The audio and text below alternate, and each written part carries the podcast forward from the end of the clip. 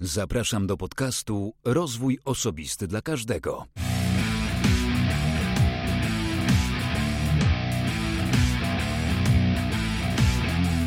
Ja nazywam się Wojciech Struzik. Zapraszam Cię dzisiaj do wysłuchania 54. odcinka podcastu Rozwój Osobisty dla Każdego, który nagrywam dla wszystkich zainteresowanych świadomym i efektywnym rozwojem osobistym.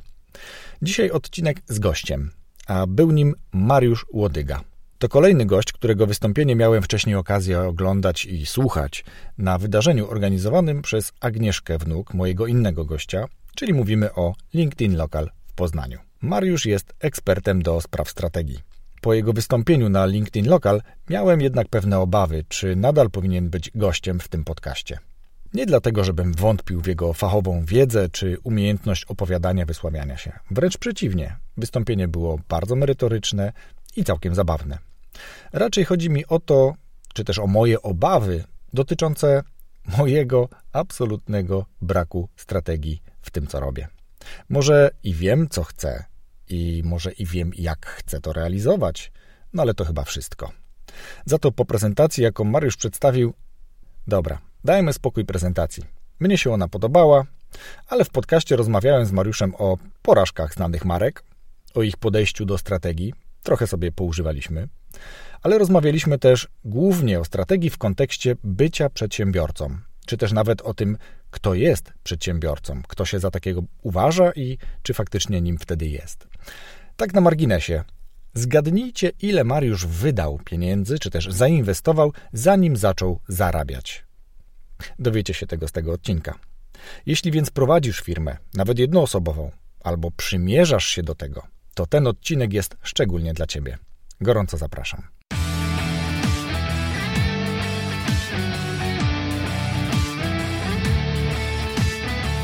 Ja dziękuję, przepraszam, za zaproszenie do tej rozmowy.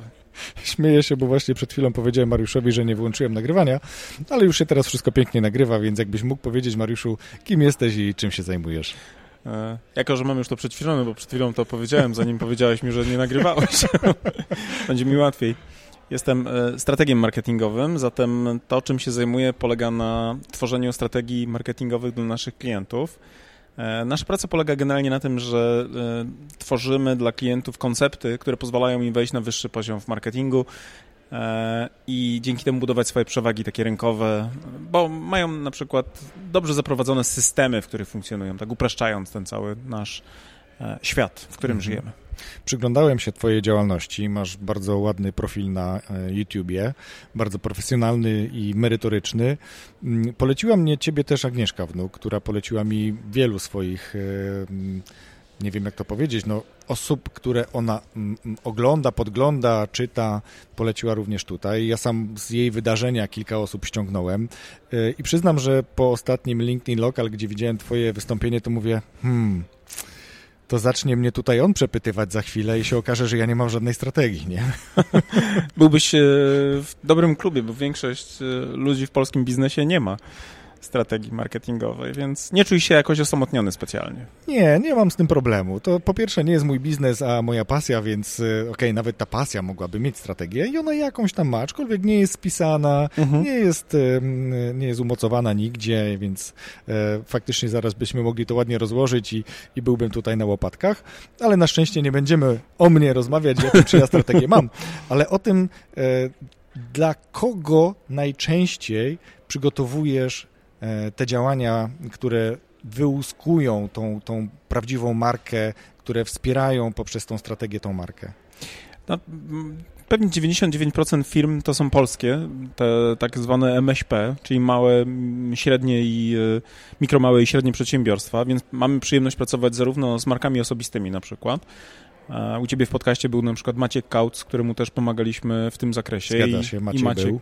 Tak, i Maciek też sobie E, fajnie radzi. Zatem nie tylko ci duzi, e, którzy zatrudniają setki osób, ale też i właśnie e, też takie małe działalności, czy nawet mikro, osob, mikro, mikrodziałalności o dużych ambicjach, nie? No bo to tak naprawdę skala biznesu nie determinuje tego, czy ty powinieneś mieć strategię, tylko tak naprawdę to, jakie cele chcesz realizować, tak? Czy, czy krótko mówiąc, chcesz sobie pooptymalizować pewne rzeczy z, punktu widzenia wydajności.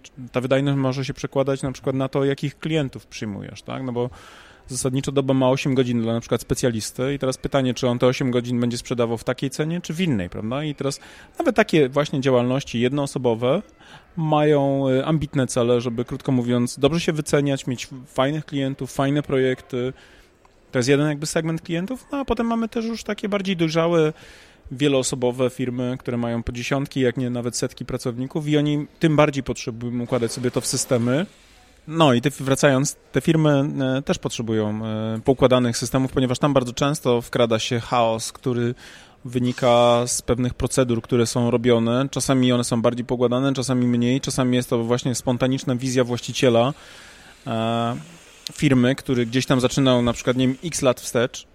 I ta firma się rozrastała trochę na poziomie nawet czasami zaskakująco dobrym, tak, bo jak pewnie wiesz, nie wszyscy, którzy wchodzą na rynek od razu wiedzą, że będą na przykład za 10 lat jakimś tam potentatem w segmencie, w którym funkcjonują. I czasami nawet są często ci właściciele nawet dużych przedsiębiorstw zaskoczeni tym, jak im dobrze poszło. I trochę rośli taką metodą na spontonie, czyli reagowali na popyt, odpowiadali jakby tworząc produkty, dostarczając wartość w postaci e, usług, czy też e, marek, które coś tam robiły na tym rynku, czyli na przykład, nie wiem, były jakimś właśnie produktem e, już finalnym dla klienta. Natomiast nie było to ujęte w ramy jakiegoś właśnie systemowego podejścia, gdzie, gdzie tworzono takie spójne koncepcje, które miały prowadzić klienta od X do Y, tak? czyli od pierwszego kontaktu z brandem do na przykład konwertowania, a potem na przykład jeszcze tworzenia całych tych reakcji ambasadorskich, tak? Bo to się kręciło, krótko mówiąc, samodzielnie, tak? Bardzo często w ogóle taki mit założycielski lat 90. w Polsce y, odpowiadał za takie twierdzenie, że dobry produkt sprzeda się sam, prawda? Jak, wiesz, było sanie potężne, tak, tak, tak. rynek był deficytowy w każdym zakresie niemalże, w którym się funkcjonowało, no to zasadniczo ta świadomość marketingowa była bardzo niewielka, była całkiem spora sprzedażowa, ten cały jakby ten triumvirat, fura, skóra i komura nie wzięło się znikąd, prawda? Mhm. To były jakby podstawowe siły sprzedażowe, czy też budujące zasięgi takie y, dla adeptów biznesu owego czasu, a dzisiaj nagle przedsiębiorcy zaczynają dostrzegać potrzeby w ogóle takiego, mm, wiesz, podciągnięcia taborów, krótko mówiąc, takiego zebrania zasobów, przemyślenia czym są, kto jest klientem, na których klientach się zarabia najwięcej, jak sprawić, żeby te grupy docelowe, do których próbują dotrzeć, reagowały na tą komunikację w tym takim tłoku, który dzisiaj jest komunikacyjnym, prawda? No bo Mówiłeś, że byliśmy, byłeś na mojej prelekcji na LinkedIn Local, no to sam wiesz, że tam co najmniej było pewnie około setki osób, wszyscy mają profile społecznościowe, wszyscy gdzieś tam coś mówią w tej przestrzeni, każdy gdzieś tam próbuje dotrzeć do tego swojego rynku, na którym działa i nagle się okazuje, że ci, którzy byli przyzwyczajeni wcześniej do takiej analogowej komunikacji, nagle mają konkurentów bardzo wydajnych cyfrowo, którzy zaczynają władać tą przestrzenią. Dzisiaj się mówi nawet o influencerach którzy są taką podstawową bronią dzisiaj marketingową różnych tam e-commerce'ów też, prawda, którzy szukają przede wszystkim sposobów na dotarcie do grup docelowych w taki dość niestandardowy dla tradycyjnego biznesu e, sposoby, więc my jakby działając w takim rynku, który dzisiaj już jest coraz bardziej dojrzały, ale też i bardziej konkurencyjny, pomagamy właśnie układać to wszystko, żeby wiesz, prowadzić systemowo od, od e, rozpoznania potrzeb grupy docelowej do sformułowania tego przekazu i opakowania w tego w określony taki brandingowy sposób, czyli na przykład za pomocą pewnych rzeczy takich już typowo sensorycznych, czyli opakowań, tak, jak, jak powinno być projektowane opakowanie, czyli jak powinna wyglądać dana marka w tej przestrzeni. No mnóstwo rzeczy tam się robi, krótko mówiąc, jeżeli ma to działać e, systemowo. I to jest jakby taki główny obszar naszego zainteresowania. Mhm. Na tej prezentacji też e, mówiłeś o wynikach e, badania, ale mnie zastanawia już nawet nie samo to, co pokazywałeś tam i dawałeś ciekawe przykłady, chociażby firm czy firmy, która akurat w tym wypadku chyba działała inaczej niż te, o których mówiłeś, czyli nie tak, że rozwijam się samoistnie i nie wiem, że za 10 lat będę potentatem. Mówiłeś o przypadku, który raczej od początku chciał być potentatem i robił wszystko, żeby nim być, zapominając o wielu rzeczach po drodze i dzisiaj go już nie ma. E, tak, rozmawialiśmy o Kani, prawda? Jak dobrze, jak dobrze pamiętam, to polski biznes, tak, który jeszcze w 2018 roku mówił o sobie na stronie internetowej, że jest liderem w swojej, w swojej przestrzeni, tak, w swojej kategorii, a mhm. dzisiaj, e, jak można doczytać w doniesieniach prasowych, e, mamy praktycznie fizyczny upadek, tak, bo nie tylko jakby skandal taki związany z tym, że wkroczyło do e, siedziby CBA i aresztowało prezesa, to jeszcze w tym wszystkim e, no, utrata majątku przez właścicieli, bo tam została przejęta bodajże przez konkurencyjną markę, bodajże dobrze kojarzę, Cedrop, wydzierżawił majątek firmy, czyli całą, wiesz, sferę produkcyjną i chyba też markowe rzeczy, w sensie symbole, etc. Więc to ewidentna katastrofa na pewno była. Natomiast czy oni projektowali się na potentata? Y, nie wiem, co było zamysłem jakby y, młodego Henryka Kani, bo to jest jakby niedostępna wiedza dla mnie. Natomiast jak czytałem wywiad w Business Insiderze, to ten proces dochodzenia jakby do tej dzisiejszej sytuacji był dość e, klarowny. Otóż oni chcieli poprzez skalę osiągać e, sukcesy. Czyli krótko mówiąc, niekoniecznie przez budowę brandu, który miał dobrą marżowość, nie przez na przykład budowę własnej dystrybucji, tylko pójście na skróty i od razu wejście na przykład duże wolumeny, ale bez zabezpieczenia tej podstawy, jaką była dostępność do klienta poprzez własne kanały dystrybucyjne, czyli krótko mówiąc oparcie się wyłącznie o te wielkie sieci dyskontowe typu Biedronka, Kaufland, etc. I jak czytałem w wywiadzie okazało się, że właśnie Kania opowiadał o tym, czy pisał w tym wywiadzie, czy też odpowiadał na pytanie reportera, że jego podstawowym strategicznym błędem było postawienie na, na współpracę właśnie z tymi wielkimi sieciami i uzależnienie się od nich, e, od ich woli współpracy. W pewnym momencie okazało się również, że zmieniono warunki gry w trakcie, czyli krótko mówiąc, narzucono im inne warunki kontraktu, które sprawiły, że ta rentowność drastycznie spadła. Między innymi były tam też takie kary, które, jak czytałem, były nakładane za osiąganie zbyt dużej zyskowności. Wyobrażasz sobie schemat?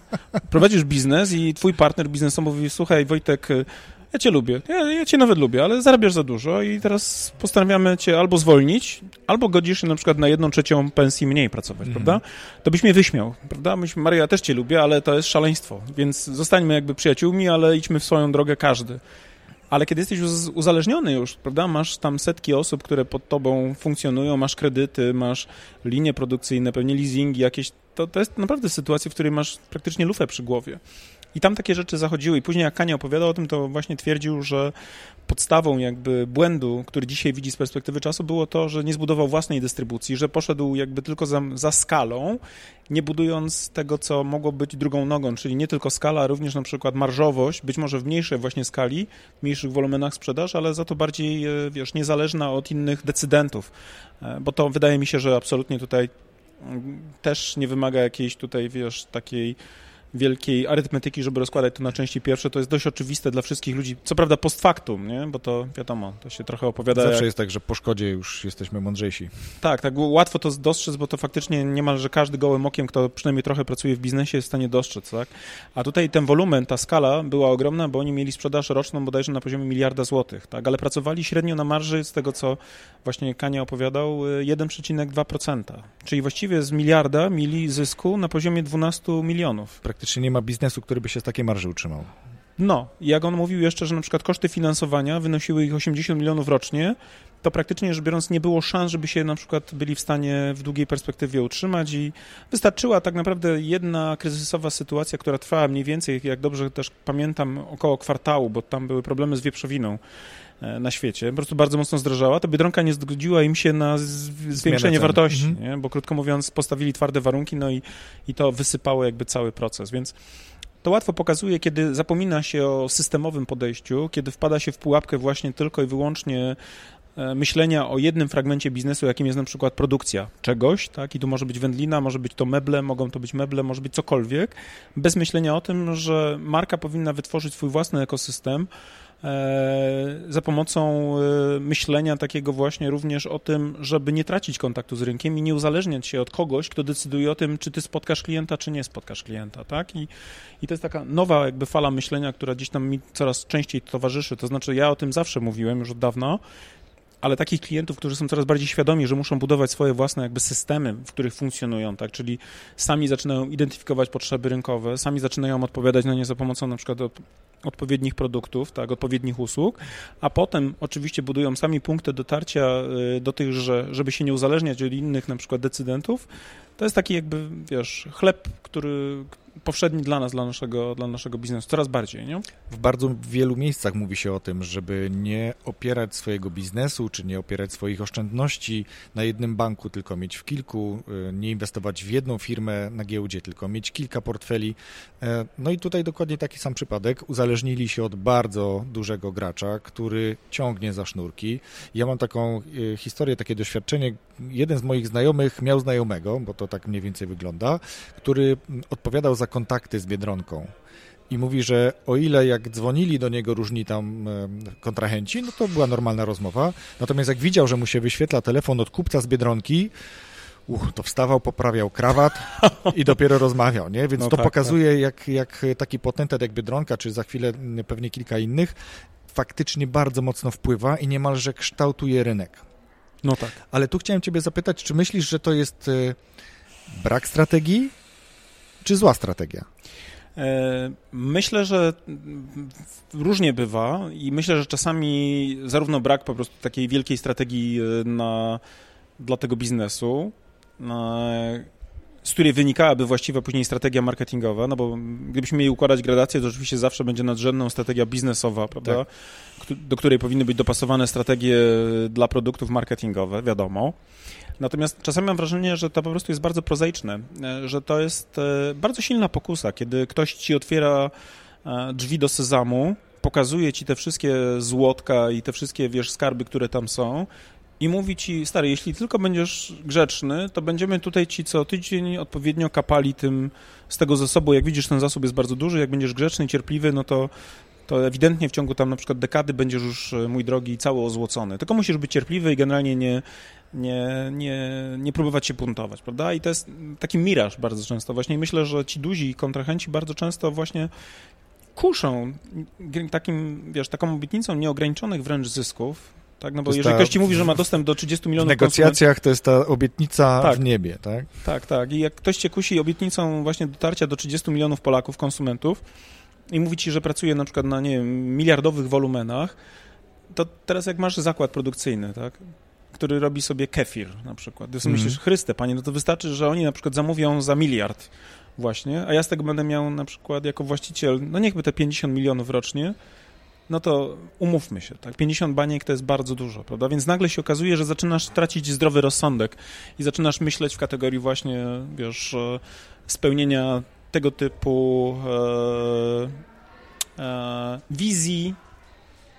I nie mówię, że to nie jest e, ludzkie, bo to jest bardzo ludzkie i wydaje mi się, że to trudno się oprzeć czemuś takiemu. Natomiast to nie zawsze jest najlepsza metoda. Tak? To jest coś, co może powodować, że człowiek traci własne szanse na to, żeby, żeby być może mniejszą skalą, ale jednak bardziej bezpiecznie w długim horyzoncie czasowym pracować. Ja zawsze powtarzam moim klientom, że warto rozpatrywać inne opcje niż tylko zarabianie na wolumenie transakcji, bo to jest bardzo łatwo definiowalny cel, typu zwiększy, zwiększymy sprzedaż na przykład do x milionów rocznie i będziemy wszyscy happy. A czasami można zostać na tym samym wolumenie sprzedażowym, jeśli chodzi o liczbę transakcji, a, a zarobić więcej, tak? Bo na przykład zwiększymy marżowość samego produktu, tak? Z, z poziomu jakby biznesu jest to optymalna sytuacja, bo na przykład nie zwiększa takich kosztów operacyjnych, bo jeżeli na przykład sprzedasz taką samą liczbę usług, ale sprzedasz je po prostu drożej, to być może wykonasz te usługi tym, albo produkty, prawda? Bo to Mhm. patrzmy jakby zamiennikowo, to nie będziesz musiał zwiększać na przykład linii produkcyjnej, nie będziesz musiał zwiększać, nie wiem, stafu, który będzie obsługiwał takie zamówienia, a jednak na koncie zostanie więcej. Natomiast pytania, jakie musisz sobie postawić zadania przed sobą, żeby ludzie byli gotowi zapłacić za twoje produkty, usługi więcej. Być może musisz popracować nad wartością postrzeganą, czyli pomyśleć trochę inaczej niż tylko mówić hej, mam kefir na sprzedaż, albo hej, mam kiełbę na sprzedaż, albo hej, mam cebulę, nie? Tylko z tej cebuli zrobić Markę. Markę jakichś krążków, wiesz, zapiekanych. Nikt nie ma takiej cebuli. Nikt nie ma takiej cebuli na przykład, nie? Jakiś, Najlepsza w Polsce Polish, cebula. Polish cebula, Polish cebula. Famous Polish cebula, No to a propos cebuli, Polish onion, nie? my tak lubimy, że w Polsce tak. to wiele takich Ale rozumiesz, prawda? Czyli krótko mówiąc, y, z tego ziemniaka zrobić frytki. Tak. Tak, bo gdybyśmy mieli się cofnąć, to przecież największy biznes to zrobili ci, którzy na przykład, nie wiem, no, kiedyś Sefa Godena, nie wiem czy kojarzysz, pewnie kojarzysz Sefa Godena, Godzina Mhm. Godena. E, e, on bardzo opiewał jakby tego, który wymyślił krojony chleb. nie? Ten, wiesz, taki paczkowany Tak, i tak, krojony. tak, tak, tak, przecież tak. to prze, przegenialne. Dokładnie. Tak? Że, W swojej prostocie mistrzostwo świata. Przegenialne. Tak samo frytka jest takim doskonałym jakby zastosowaniem, co możesz zrobić z ziemniaka, który jest generyczny, Mhm. co możesz zrobić wspaniałego z, z zwykłym, zwykłym ziemniakiem, który odpowiednio zmodyfikujesz, prawda? Belgijskie frytki to są marki same w sobie, prawda? Mhm. Jeśli mówimy o takim postrzeganiu bardzo prostego produktu. A przecież czasami mówimy o bardzo skomplikowanych usługach czy bardzo skomplikowanych produktach, które też trzeba obrędowywać i budować wokół nich właściwe skojarzenia, które powodują na przykład, że ta wartość postrzegana jest większa. Mhm. I to jest coś, co jest ewidentną piętą achillesową. My lubimy, krótko mówiąc, myśleć wolumenowo, ale rzadko kiedy potrafimy myśleć w kategorii tworzenia właściwej percepcji dla, dla tego, co robimy jako usługodawca, jako pracownicy, albo też na przykład jako właśnie dostawcy produktów na, na rynku. I to jest coś, co jest wielką jeszcze polską lekcją do odrobienia, bo na przykład jakbyśmy spojrzeli sobie na ranking najdroższych marek świata, to w 100 najbardziej jakby wycenianych e, według Interbrandu e, podmiotów, jak sądzisz, ile jest polskich? Trzy? Ani jednej. Ani jednej. Wiesz, ani Chciałem jed- powiedzieć ani jednej, wiesz? No, ale patriotycznie odpowiedziałeś, a tam trzy, nie? Wiesz co, no bo to, to jest tak, że my z jednej Ani strony jednej. patrzymy wolumenowo, a z drugiej strony myślę, że patrzymy też bardzo krótkoterminowo. Tak, tak. I, i Wolumenowcy myślą bardzo krótko, No tak? bo są poddani dyktandu Excela. Tak? Czyli krótko mówiąc, jeżeli nie dowozisz w danym miesiącu sprzedaży X, to znaczy, że prawdopodobnie e, źle robisz robotę, a nie zastan- w sensie jako na przykład dział sprzedaży. Tak? Czyli krótko mówiąc, cała wina w, dział, w dziale sprzedaży, bo na przykład za mało coli, albo za mało maili, albo za mało czegokolwiek.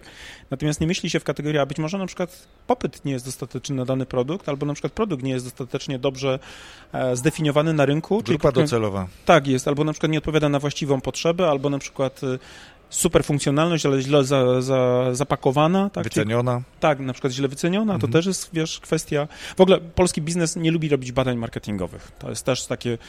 Ten brak strategii to jest jedno, nie? bo to jest jakby komplementarne. Ten brak badań jest jakby bardzo mocno komplementarny do braku strategii. Polski biznes bardzo często pracuje na czuja, na wydaje mnie się. Nie?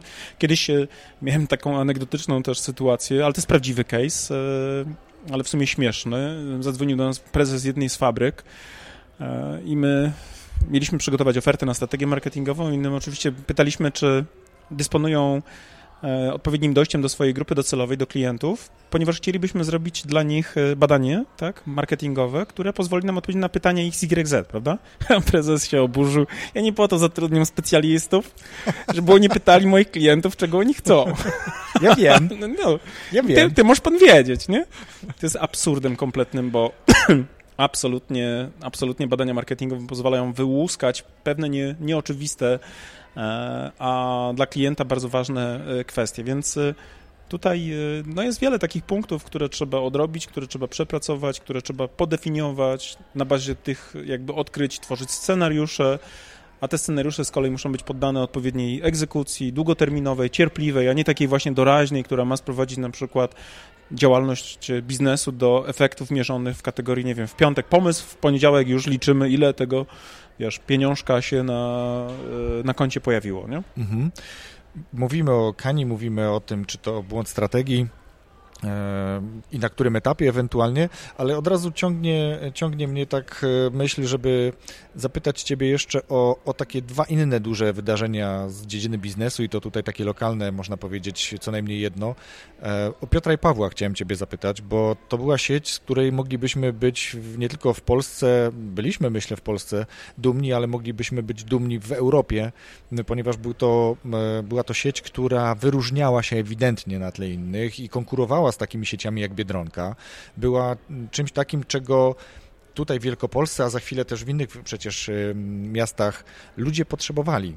Kiedy rośnie portfel, to te dobra luksusowe, te lepsze produkty znajdują e, swoich klientów, no i ta sieć jakby była odpowiedzią na to. I co się zadziało, że dzisiaj praktycznie nie mamy już Piotra i Pawła, a mogła to być naprawdę bardzo dobra sieć. I tak samo nie mamy już Almy, która można było powiedzieć jest takim mm, odpowiednikiem, trochę taką, taką bezpośrednią konkurencją Piotra i Pawła. Ja myślę o Piotrze i Pawle od dawna i to dość, e, mam gorzkie takie refleksje. Przede wszystkim wydaje mi się, że parę czynników e, bardzo obiektywnych, czyli e, rynek, na którym Piotr i Paweł w pewnym momencie funkcjonował, tak, uległ drastycznej zmianie. E, praprzyczyną, czy taką metaprzyczyną e, kłopotów Piotra i Pawła, Almy, czy takich, e, czy, czy tego typu biznesów w Polsce była ekspansja dyskontów, które bardzo mocno wkroczyły w przestrzenie, które dawniej były właśnie zajęte przez delikatesy. Nie wiem, czy kojarzysz, ale bardzo dobrą kampanię medialną poprowadził w latach bodajże 2014, 2017 Lidl, tam była ta słynna kampania okrasa z Pascalem. Przepisy. Tak, tak, mhm. trzy lata. Trzy lata, koncept na trzy lata zaprojektowane. To w ogóle szacun z perspektywy tego, że ktoś podjął decyzję o tym, że będą realizowali tak długoterminowy projekt. No, myślę, że Lidl miał tygodniowy budżet na reklamę taką, jak nie jedna firma w Polsce nie ma rocznego budżetu. To a to też, niewątpliwie. To, to, to też niewątpliwie. robi swoje. Tak, to, ale to też jakby, wiesz, są firmy, które mają duże budżety, a niekoniecznie niekoniecznie e, na przykład myślą o tym, że część tego budżetu powinna być na przykład budżetem marketingowym na przykład, nie?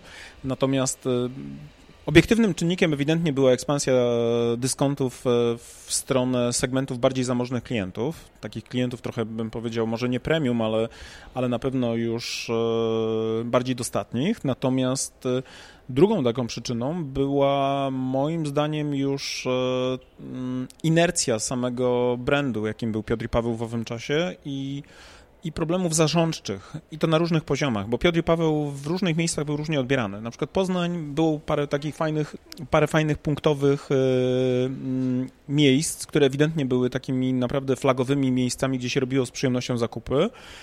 Ale na przykład jak wyjechałeś z Poznania, w drodze na przykład z y, koło brzegu jest Czarnków, jak dobrze kojarzę, i tam w Czarnkowie też jest Piotr i Paweł. Nie wiem, czy kojarzysz na tej trasie, ale taki trochę z połem, taki wiesz, z połem z lat 80.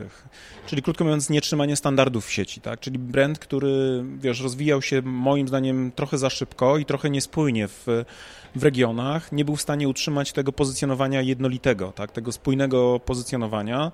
E, w związku z tym też e, ta ekspansja poza duże miasto, jakim był Poznań, gdzie się czuł dobrze, prawdopodobnie różnie poszła w tych regionach. Tam pewnie część tych, tych placówek e, różne rzeczy była w stanie pewnie wykręcać, ale pewnie nie było to na zadowalającym poziomie. Tam pewnie były też jeszcze problemy właścicielskie, bo tam to z tego co kojarzę była franczyza, więc różne rzeczy wpływały na to, że zarządczo było trudno utrzymać e, spójne pozycjonowanie jako delikatesu, który dostarczał premium doświadczenia. I to mogło być też problemem, dla którego ludzie e, poza tymi wybranymi punktami, krótko mówiąc, e, nie czuli, e, że to jest miejsce do robienia zakupów. Druga z rzeczy to wydaje mi się taka już typowo marketingowo, mm, strategiczna marketingowo, czyli to, co my żeśmy myśleli w ogóle o Piotrze i Pawle jako konsumenci. Otóż większość konsumentów uważała Piotra i Pawła za drugie miejsce do robienia zakupów. Piotr i Paweł miał z tym problem, ponieważ jako delikates nie stawiał na niskie ceny, przeciwieństwie do dyskontów, tylko próbował walczyć właśnie jakością produktów, uniwersalnością tej oferty, szerokością tej oferty, niebanalnymi produktami z ciekawych regionów ściąganych, prawda? To było coś, co co było e, na pewno drogie do, do utrzymania jakby e, operacyjnego, a z drugiej strony konsument miał poczucie, Piotr i Paweł będzie jako koszyk zakupowy kosztował mniej więcej niż na przykład u dyskontu. W dyskoncie, w którym e, do tej pory robiłem zakupy, więc być może nie będę tam chciał robić zakupy. Jak czytałem jakieś badania, to wychodziło, że średni koszyk zakupowy porównywalnych produktów kosztował w Piotrze i Pawle zaledwie kilkanaście procent drożej niż na przykład u konkurentów e, dyskontowych, a jednak dla klientów było to nadal takie, jakbyśmy mieli robić badania, pewnie to by wyszło, że ludzie myśleli, wiesz, za ten sam, za ten sam koszyk zapłacę na przykład dwutrzykrotność. Gdzieś tam takie komentarze też na grupie, jak wrzuciłem ten post o tym, że Piotr i Paweł upadł, to ludzie właśnie takie mieli poczucie, że właśnie, wiesz, w komentarzach... Że był drogi. Tak, że był drogi i że to, wiesz, dwutrzykrotność na przykład wręcz, prawda, yy, porównywalnego koszyka zakupowego. Więc ta percepcja marki była na pewno w pewnym momencie jak kula u nogi, bo konsument... Yy, wybierał tańsze zamienniki. Ta świetna kampania zarówno Lidla, jak i też Biedronki przyczyniły się do tego, że po pierwsze zakupy w dyskontach przestały być synonimem takiego trochę obciachu. No przyznajmy, że jeszcze powiedzmy w 2013-2012 roku o zakupach w Biedronce mówiło się jej dorobić do Biedry, tak, że Biedra, Biedra jako taki, wiesz, synonim trochę... Dalej tak mówimy chyba. Idę no, do biedy. No, ale już biedry. bez takiego, wiesz, ostracyzmu w głosie, tak, na zasadzie, że, wiesz, gościć do Biedry, czytaj prawdopodobnie... Nie ma pieniędzy. Nie ma pieniędzy. Biedny jest. Tak, biedak, tak, no. tak, tak. Dzisiaj biedra być może funkcjonuje jako słowo w takiej warstwie semantycznej, ale wydaje mi się, że już nie niesie takich negatywnych skojarzeń. Nie niesie na pewno, wystarczy zobaczyć, jak wyglądają, czy jakie marki samochodów stają na parkingach Biedronki, tak, jacy tak. ludzie robią zakupy. To, to czy Lidl, naprawdę... Lidl, tak. Lidl tak, ale, ale Lidl jakby od początku chyba trochę też się plasował na takiego trochę, pomimo, że dyskont... Supermarket To, to, to jednak trochę bardziej supermarket, tak, nie? I, i, I ludzie, ja sam zresztą chyba częściej wybieram Lidla niż, niż Biedronkę, nie dlatego, że jestem uprzedzony w jakikolwiek mhm. sposób, tylko przywykłem już po prostu do pewnych produktów, do pewnych marek, które są w Lidlu. Ale tak. jak mówimy bieda, biedra, faktycznie tak było, że, że gdzie kupiłeś? A, w Biedronce. Nie? Tak, to, tak, to tak. dzisiaj już jakby nie ma podstaw ku temu, chociaż gdyby chcieć porównywać y, chociażby samo, mm, samą organizację, samą, samą, same te procesy operacyjne, które się odbywają w jednej i w drugiej sieci, to ja trochę doświadczenia mam, bo pracowałem mhm. przez wiele lat w Biedrze, e, to Lidl jest dużo lepiej zorganizowany operacyjnie, jeśli mówimy o jednostki, które widzi klient. Nie mówimy o zapleczu, nie mówimy o centrali, mówimy o tym, co widzi klient i to jest istotne dla tak, klienta, tak. że on ma lepszą komunikację, że on ma większą przejrzystość. Chociaż teraz troszeczkę znowu w Lidlu się zaczyna, być może to okres świąteczny, tych wrzutek przeróżnych, natomiast Biedronka ma takie okresy, gdzie jest widać, nierówna też. Tak, mhm. gdzie widać, że stawiają bardzo mocno na jakość, później znowu chyba idą na ilość i, i ta jakość faktycznie również pracowników jest, jest inna w jednej i w drugiej sieci, to tak. Ale na pewno Biedronce udało się coś, co jest e, ogromnym sukcesem marketingowym, mianowicie spozycjonowanie się jako lider w kategorii niskie ceny. Mhm. I to jest ewidentnie coś, co właśnie było tą praprzyczyną, metaprzyczyną tego, że takie miejsca jak Alma czy jak właśnie Piotr i Paweł traciły konsumentów, bo ludzie, mm, zakup, w ogóle wiesz, spożywka jest bardzo generyczna. Tak? To jest tak, że możesz być fanem motocykli, możesz się tatuować logiem e, Harley'a, Harley'a Davidsona, prawda, i mówić, że to jest brand, który kochasz, jeśli jesteś fanem motoryzacji, ale trudno mi sobie wyobrazić sytuację, w której ty chodzisz z dziarą od Danona prawda? Bo to jakby... Śmieję się trochę, bo ja pytałem... Bo jednak masz taki tatuaż. Pytałem swojego gościa, albo może już nawet kilku gości, czy zdają sobie sprawę z tego, jakie logo, jakiej firmy ludzie najchętniej sobie na świecie tatuują. No i faktycznie... Biedronka. faktycznie Harley e, jest numerem jeden, ale to myślę, że to jest kwestia też kultury, że fani Harley'a tak, po tak. prostu są wytatuowani. Tak. Mm, natomiast no, kto by sobie wytatuował e, Biedronkę, czy... Chociaż powiem ci, był, e, czy jest taki człowiek, E, Kędzierski, który sobie wytatuował swojego czasu logo e, radio, Rock Radio, bodajże chyba tak, Rock Radio, bo pracował wtedy i no, taki zaangażowany Może miał taki placement sobie... też reklamowy na zasadzie wiesz, ekstra do pensji, nie? Ale w, w, trakcie audycji się tatuował logiem e, swojej stacji, w której pracował. To tak Ale rock and roll jeszcze powiedzmy by tam siedział, nie? Ale trudno mi sobie wyobrazić właśnie sytuację, w której bierzesz sobie i, i jedziesz właśnie z, z, logiem Pilosa albo Danona, prawda? Albo z jakimś tam kefirem lokalnym. Tak, tak. Więc to jest jakby bardzo generyczna kategoria i klienci jakby decydują zakupowo, decyzyjnie, zakupowo, ok, pójdę tam, gdzie będą miał komfort tego zakupu, czyli ta dostępność, czyli gęstość sieci na pewno ma znaczenie i tutaj ewidentnie znowu ci liderzy pokryli kraj szczelnie, plus znowu ta ta jakość tego doświadczenia bardzo mocno się poprawiła i właściwie zrównała się z doświadczeniem Piotra i Pawła, bo ja jak robię zakupy w Lidlu, a mam na szczęście obok niedaleko, nie muszę gdzieś tam, wiesz, śmigać na drugi koniec miasta, żeby gdzieś tam mieć do, do, do, do czynienia jakby z, supermarketem, to jednak muszę powiedzieć, że czuję się zaopiekowany w takich miejscach, tak? Mhm. Czyli krótko mówiąc, mam szeroki wybór, plus mam, wiesz, e, jakościowe produkty i dość różnorodne też, więc jakby tutaj ewidentnie moim zdaniem takie bardzo czynniki e, też operacyjne bardzo mocno działały, a w kategorii pozycjonowania rynkowego, no to uważam, że Piotra, Piotra i Pawła po prostu dotknęła ta kwestia, którą nazywamy właśnie tym E, tym stygmatem e, wynikającym z utrwalonego pozycjonowania jako drogiego delikatesu na rynku. I tego pozycjonowania Piotrowi i Pawłowi nie udało się zmienić. Oni rozpaczliwie próbowali, nie wiem czy to wynikało z słabości jakby osób, które zarządzały tym brandem, bo to było dla mnie rozpaczliwe akcje i absolutnie e, umieszczenie e, hasła e, taniej niż myślisz było absolutnie rozpaczliwe, bo to jest, to, jest, to jest ewidentnie wołanie na puszczy w sytuacji, w której zdajesz sobie sprawę, że dyskonty odbierają ci klientów, a kiedy to nie działa, to idziesz o krok dalej i mówisz jeszcze taniej niż myślisz. To jest autentyczny case. tak, tak. Ja widziałem takie, wiesz, materiały drukowane, czy też materiały graficzne, które przedstawiały tego typu obietnice. E, co wyraźnie pokazuje, że po pierwsze nie poradzili sobie z utrzymaniem takim operacyjnej spójności tego całego doświadczenia dla użytkowników, kiedy kupowali w różnych miejscach, w różnych lokalizacjach, ten brand się różni. Wyobraź sobie, że masz Starbucksa na świecie, gdzie w jednym miejscu masz ekskluzywne takie, wiesz, premium doświadczenie kawowe, w innym po prostu pijesz kawę z palety. Jakby rozumiesz, prawda? Tak? Dla osoby, która... Co, co jest standardem standardów, jeśli chodzi o myślenie o zarządzaniu marką, a tutaj okazywało się, że, że można mieć jednak takie, taki dysonans y, jako konsument i co prawdopodobnie nie budziło jakich, wiesz, alarmistycznych nastrojów znaczy, w centrali. Ja ci powiem, z czego to wynika, bo te osoby, które decydują, a spotkałem się z takim podejściem, uważają, że te lokalne sklepy, one są lokalne i ten klient jest tylko i wyłącznie lokalny. On nie migruje. Natomiast klient migruje, migruje, migruje coraz bardziej. I to teraz spójrz sobie na przykład na strategię, na budowę, na ekspansję właśnie Biedronki i e, jakichkolwiek konkurentów, ale też i w ogóle tych wszystkich e, sieciowych e, operatorów światowych, globalnych, czyli McDonald's. McDonald's w centrum Warszawy będzie taki sam jak w, na Podlasiu. Orlen będzie taki sam, wiesz, na Podlasiu, jak i też w stolicy Małopolski. E, prawda? Jeżeli... Może się psuć jakościowo, bo McDonald's w Stanach jednak nie jest tak dobry i tak dobrze postrzegany jak McDonald's w Polsce Ale ten amerykański będzie mniej więcej taki sam w całej Ameryce, mniej będzie więcej. wyglądał tak samo, tak, natomiast tak. powiedzmy, że może być gorzej w toalecie albo tak, coś tak, tak w ten tak. deseń. My bardziej mhm. cenimy pewnie, wiesz, McDonalda w Europie, czy też w Polsce mhm. zwłaszcza, prawda, w tych powiedzmy byłych Jedziemy krajach. jeszcze na tym blichtrze takim tak, amerykańskim. Po prostu tutaj sieć dużo nowych postawiła jakby lokalizacji, więc to siłą rzeczy jest świeższe ale zasadniczo, kiedy mówimy o sieciowości właśnie, to te sieci mają standaryzację, która mhm. się trzyma, prawda? I, i e, to myślenie w kategoriach właśnie tego, że ten konsument lokalny gdzieś tam właśnie w tym Czarnkowie nie będzie miał takich wymagań, być może było takim błędem, bo powodowało to, że ja jadąc z Poznania, czy tam z, z koło brzegu do Poznania, nie zatrzymywałem się właśnie w tym Piotrze i Pawle, bo nie spodziewałem się tego samego doświadczenia, które miałbym w swoim ulubionym supermarkecie pod domem, do którego na przykład chodzę, chodzę od lat. Co na przykład utrudniało mu, wiesz, wysycanie rynku i budowanie tej ekspansji, bo dla ludzi ta marka nie miała standardu na przykład, nie? Mhm.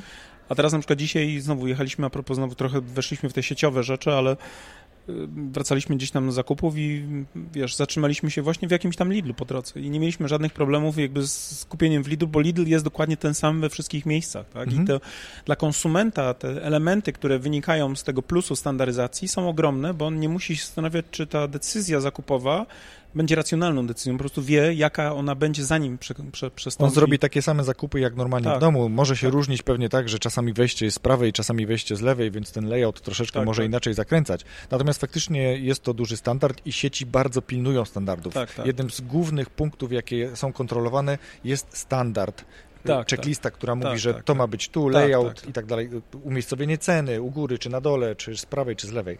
No bo konsument nie lubi się uczyć co chwilę w nowym supermarkecie. No, no to myślę, że właśnie bardzo mocno jest w oparciu o to, że jeżeli klient się czegoś nauczy, to on nie lubi zmian. Tak. Tak, bo on się tak. wtedy źle czuje. Jeżeli jest jakakolwiek przebudowa, przestawiał mu jakiś towar z miejsca w miejsce, to ten to towar może przestać rotować, prawda? No, Nagle. Dokładnie tak, dokładnie no. tak. Klient poza tym, on może nawet podjąć decyzję, oni mi tam za często zmieniają. Tak. ja przestaję tam robić zakupy. Wnerwia mnie to. Tak? Denerwuje mnie to. to. Dokładnie, tak, więc tak.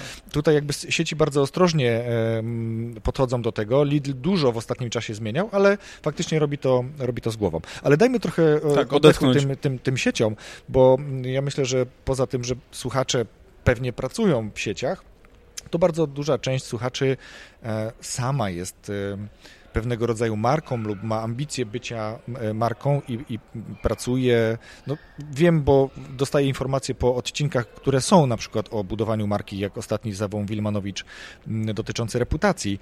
Więc tutaj to, co chciałem, to, o, co chcia, o co chciałem Ciebie zapytać, a które, co jest istotne, bo ja sam dojrzewam do pewnych rzeczy i, i czasami zajmuje mi to więcej czasu niż, niż innym. Chciałbym zająć się strategią. Chciałbym popracować nad swoją strategią marketingową. mam jakieś wyobrażenie i co powinienem zrobić, żeby to teraz zacząć układać, te puzzle, żeby u, ubrały się, wiesz, w, w konkretny obrazek, żeby ta strategia powstała? To jest fajne pytanie, tylko pozwól, że dookreślę. Myślisz o sobie, o strategii jako marce osobistej, tak? Dla no, siebie. Mówmy o, o marce osobistej, tak. Okej, okay, tak. no to będzie łatwiej nam to jakby umieścić w ramy. Taki miałeś case z Maciejem e, na tak, przykład, tak, tak? Jest, czy pewnie tak, wiele Maciek, innych jeszcze. Maciek, jak też wiele innych osób gdzieś tam, z którymi pracowaliśmy jako markami osobistymi, metodologia budowy jest zawsze ta sama, tak? Czyli wychodzimy jakby od pewnych elementów, które są stałe i spójne. Najpierw analizujemy, e, potem dopiero tworzymy założenia strategiczne, a potem pracujemy nad strategią komunikacji. Więc takie trzy główne elementy. W ramach tej analitycznej części wchodzą jeszcze badania marketingowe, tak? Czyli krótko mówiąc, chcemy wiedzieć, co rynek myśli o naszym produkcie, o naszej usłudze, o nas jako, jako tych osobach, które świadczą, świadczą dane, dane właśnie usługi. I teraz gdybym miał tobie coś radzić, to przede wszystkim bym e, pewnie przemyślał... Radźmy, radźmy słuchaczom. No, może, naszym, może tak. mieli, gdybyśmy mieli radzić coś naszym słuchaczom... Bo ja już się boję, jak będziesz mi doradzał. Nie, nie bój się. To generalnie ludzie na tym zarabiają później duże pieniądze, więc byłbyś pan zadowolony, jak to się mówi. To będę Zawsze możesz komercyjnie wrócić, nie? To też będziemy my zadowoleni, bo wystawiamy tłuste faktury, ale mówiąc zupełnie serio, to zasadniczo trzeba zawsze pomyśleć o tym, co mówi na przykład nam e, klasyka, tak? Czyli ci, którzy e, od dziesiątek lat nas przewodzą, nami przewodzą, jeśli chodzi o prowadzenie tych działań takich strategicznych, czyli na przykład Rice i Trout, oni mówią, że pozycjonowanie to jest ta walka o to, co dzieje się w umyśle grupy docelowej, tak? Czyli ten umysł grupy docelowej jest tym, o co my powinniśmy się martwić i co powinniśmy brać pod uwagę, czyli krótko mówiąc, takie umiejętne wglądanie czy zaglądanie do tego, co dzieje się w głowach naszych konsum konsumentów. Tu na przykład bardzo pomocne będą właśnie badania marketingowe. Mm. Potem, jeżeli wiemy, co się dzieje w umysłach grupy docelowej, to pytanie, i tu bardzo fajnie Ogilvy o tym mówi, yy, i mówi o tym, że powinniśmy zastanowić nad tym, co jest istotą tego pozycjonowania z jego perspektywy, czyli czym jesteśmy na rynku, jako marka, jako, jako produkt yy, i dla kogo jesteśmy przeznaczeni. Czyli krótko mówiąc, wiemy, tak, yy, czym my na przykład jako specjaliści będziemy chcieli być, czyli na przykład jaką karierę wybierzemy, jaką specjalizację będziemy rozwijali, jakie akcenty będziemy podkreślali. I drugie pytanie, kto będzie tym naszym odbiorcą, tak? Czyli kogo będzie na nas stać, kto będzie gotowy za to zapłacić, jak go przekonać do tego, żeby on nam, krótko mówiąc, zapłacił. Pytanie również takie typowo techniczne, jak my mu to skomunikujemy, tak? Czyli krótko mówiąc, po pierwsze, gdzie będziemy próbowali mu o tym mówić, w jakich miejscach, jak dobrać sobie te formy dotarcia i jak zaprojektujemy później fizycznie na końcu tą całą komunikację w warstwie również takiej, wiesz, zarówno tekstowej, czyli krótko mówiąc, co będziemy pisać, co będziemy mówić i jak też będziemy wizualnie się prezentować, tak? Bo ta cała sensoryka w postaci na przykład obrazów, którymi będziemy się posługiwali, też będzie bardzo mocno nam, nas e, wspierała, tak? Dla większości specjalistów, e, którzy gdzieś tam funkcjonują na rynku, to będą też bardzo ważne pytania, dlatego że oni mogą mieć mniejsze parcie na przykład na zdobywanie klientów, bo są na przykład zatrudnieni w jakiejś korporacji ale z drugiej strony pojawia się gigantyczny dramat, kiedy przestają być zatrudnieni. I nagle pojawiają się właśnie w ich głowach pytanie, co tu zrobić, tak? Jak przyciągnąć tego następnego dużego klienta, jakim będzie jego pracodawca na przykład na następną dekadę. I ja zawsze radzę moim, moim klientom, jak i też e, tutaj myślę, że spokojnie możemy poradzić naszym słuchaczom, słuchaczom e, zanim będziecie rozpaczliwie szukali e, następnego etatu, bądźcie do tego dobrze przygotowani, żeby ta rozpacz, jakby polegająca na tym, że nie ma tego, tej pewności zatrudnienia, są na przykład pewne rachunki, nie była długa. Nie? Czyli krótko mówiąc, dobrze jest sobie przygotować cały ten cały background mm, marketingowo-komunikacyjny dla siebie, kiedy mamy jeszcze, powiedzmy, z czego, krótko mówiąc, żyć. Ale też to, co mówią y, inni, czyli tą poduszkę bezpieczeństwa, tak. która pozwoli nam zamortyzować ten upadek, tak. nawet na wypadek, kiedy mamy dobrze skrojoną y, strategię marketingową, ale zanim ona ruszy i zanim tak. przyniesie nam ten cash flow, który pozwoli tak. e, zapewnić no, bieżące płatności i utrzymanie, tak, tak. no to mieć tą rezerwę. To jest tak, chyba ten to... taki pierwszy, po, po, pierwsze primo. Tak, tak. Ja na przykład mogę się podzielić takim swoim własnym doświadczeniem, to kiedy w 2006 roku byłem prezesem jednej ze spółek przez krótki tam okres czasu, e, powołałem taki jakby startup też, można by tak powiedzieć. Dzisiaj byśmy tak powiedzieli, wtedy po prostu firmę, ale dzisiaj byśmy powiedzieli tak bardziej sexy, że to był startup. Osiem miesięcy byłem prezesem. E, to w pewnym momencie stwierdziłem, że już nie chcę nim być z uwagi na to, że no, wiązały mnie pewne ograniczenia, które wynikały ze złożonej struktury właścicielskiej. Krótko mówiąc, spółka była 7-8 osobowa, jeśli chodzi o udziałowców, więc było to trudne do operacyjnego takiego zarządzania tym, a ja z kolei nie byłem większościowym udziałowcem, więc na walnym, krótko mówiąc, mój głos mniej ważył niż połączone siły wspólników. Więc e, kiedy zdecydowałem się na odejście z tamtego biznesu, sprzedałem swoje udziały, e, to żeby mieć na pierwsze miesiące takie, wiesz, działania pod własnym brandem, pod własnym szyldem, pod własną marką, to sprzedałem mieszkanie, tak, w którym żyłem. Przeniosłem się do wynajmowanego na przykład. Wiesz. Odważna decyzja. Tak, to, no wiesz, wtedy byłem kawalerem, więc e, w sensie miałem oczywiście dziewczynę, ale nie byliśmy w związku małżeńskim i nie mieliśmy dzieci na przykład, więc łatwiej było, to oczywiście jest dość naturalne, mhm. wiesz. Poza tym byłem też młodszy, dzisiaj sobie nie wyobrażam sytuacji, w no której... No właśnie, to chciałem ci zapytać. Dzisiaj już nie. nie, nie chciałbym, pewnie bym zrobił różne rzeczy, gdybym miał lufę do głowy przystawioną, wtedy wydawało mi się to bardzo sexy, natomiast dzisiaj już e, byłoby to bardzo dla mnie trudne doświadczenie, natomiast wtedy właśnie ten cash flow e, zapewniło mi to, że miałem poczucie, że mam kilkaset tysięcy złotych e, po sprzedaży nieruchomości i mogłem spokojnie, tak naprawdę te kilka dobrych miesięcy, zanim pojawiły się pierwsze kontrakty, funkcjonować z takim poczuciem, ok, Mariusz, masz co najmniej dwa lata na przykład, czy tam prawie trzy lata na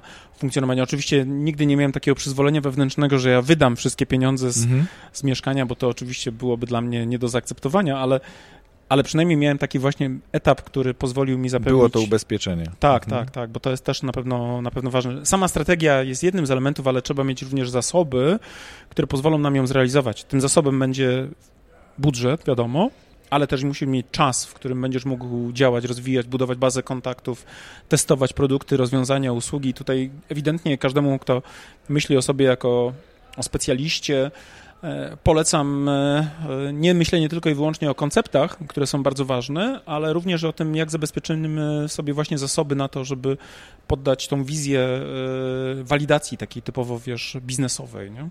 Kilku moich znajomych, którzy podjęli decyzję o tym, że odchodzą z pracy na etacie, to po pierwsze myśleli sobie, że właśnie ta przedsiębiorczość to jest wolność, przy czym bardzo szybko później pojawiały się wpisy, że praca w korpo, czy gdzieś tam to w ogóle w czasy w związku z tak. tym.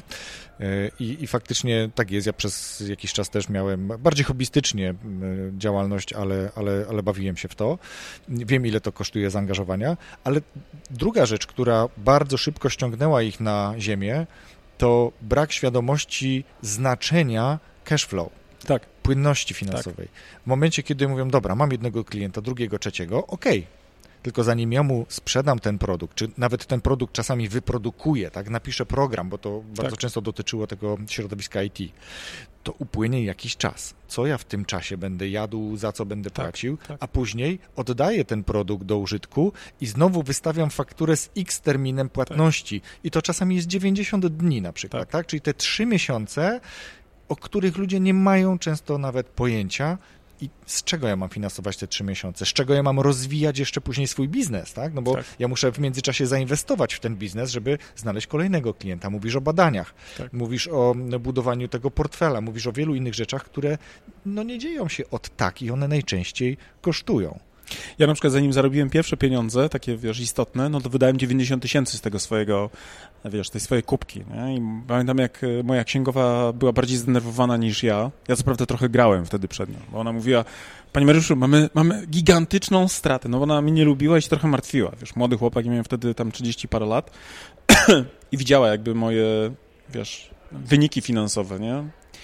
E, z miesiąca na miesiąc, nie? Tu 20 w plecy, nie? No bo to wiesz, start biura, wynajęcie biura, remont, komputery, wiesz, praca asystentki, utrzymanie samochodu, wiesz, wszystkie takie, wiesz, małe, drobne rzeczy, tu 2000, tu 3000, tu 5000, ale nagle, wiesz, cyk, cyk, cyk. I pamiętam, jak ona w pewnym momencie mówiła, Pani Mariusz, mam już 90 tysięcy straty. Ja mówię, Pani Marysiu, tak ma być. Wiesz, Zimna krew. Przekozacko, nie? Przekozacko. Ale to była gra, bo oczywiście byłem tym zestresowany niesamowicie, natomiast zanim zarobiłem mm, pierwsze, pierwsze kontrakty, no to minęło 6 do 9 bodajże miesięcy i tyle, tyle mniej więcej e, hajsu z tej kup e, zeszło i e, trzeba być na to przygotowanym, także jeżeli wyjdziesz na przykład na rynek, to że niekoniecznie od razu zarobisz.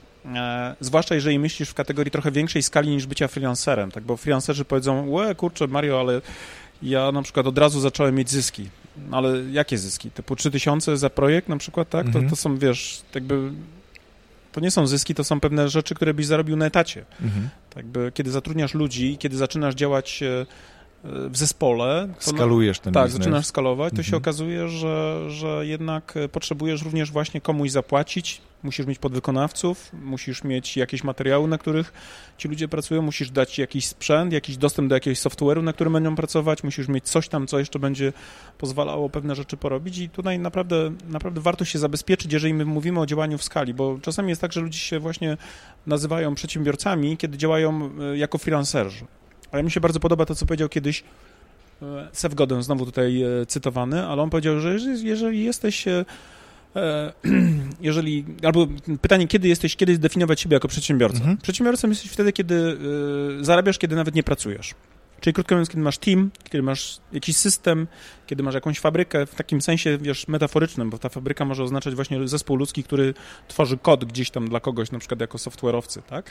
Ale zasadniczo, kiedy potrafisz pracować systemowo, współpracując z ludźmi, wytwarzając większą wartość niż ty na przykład sama jako jednostka.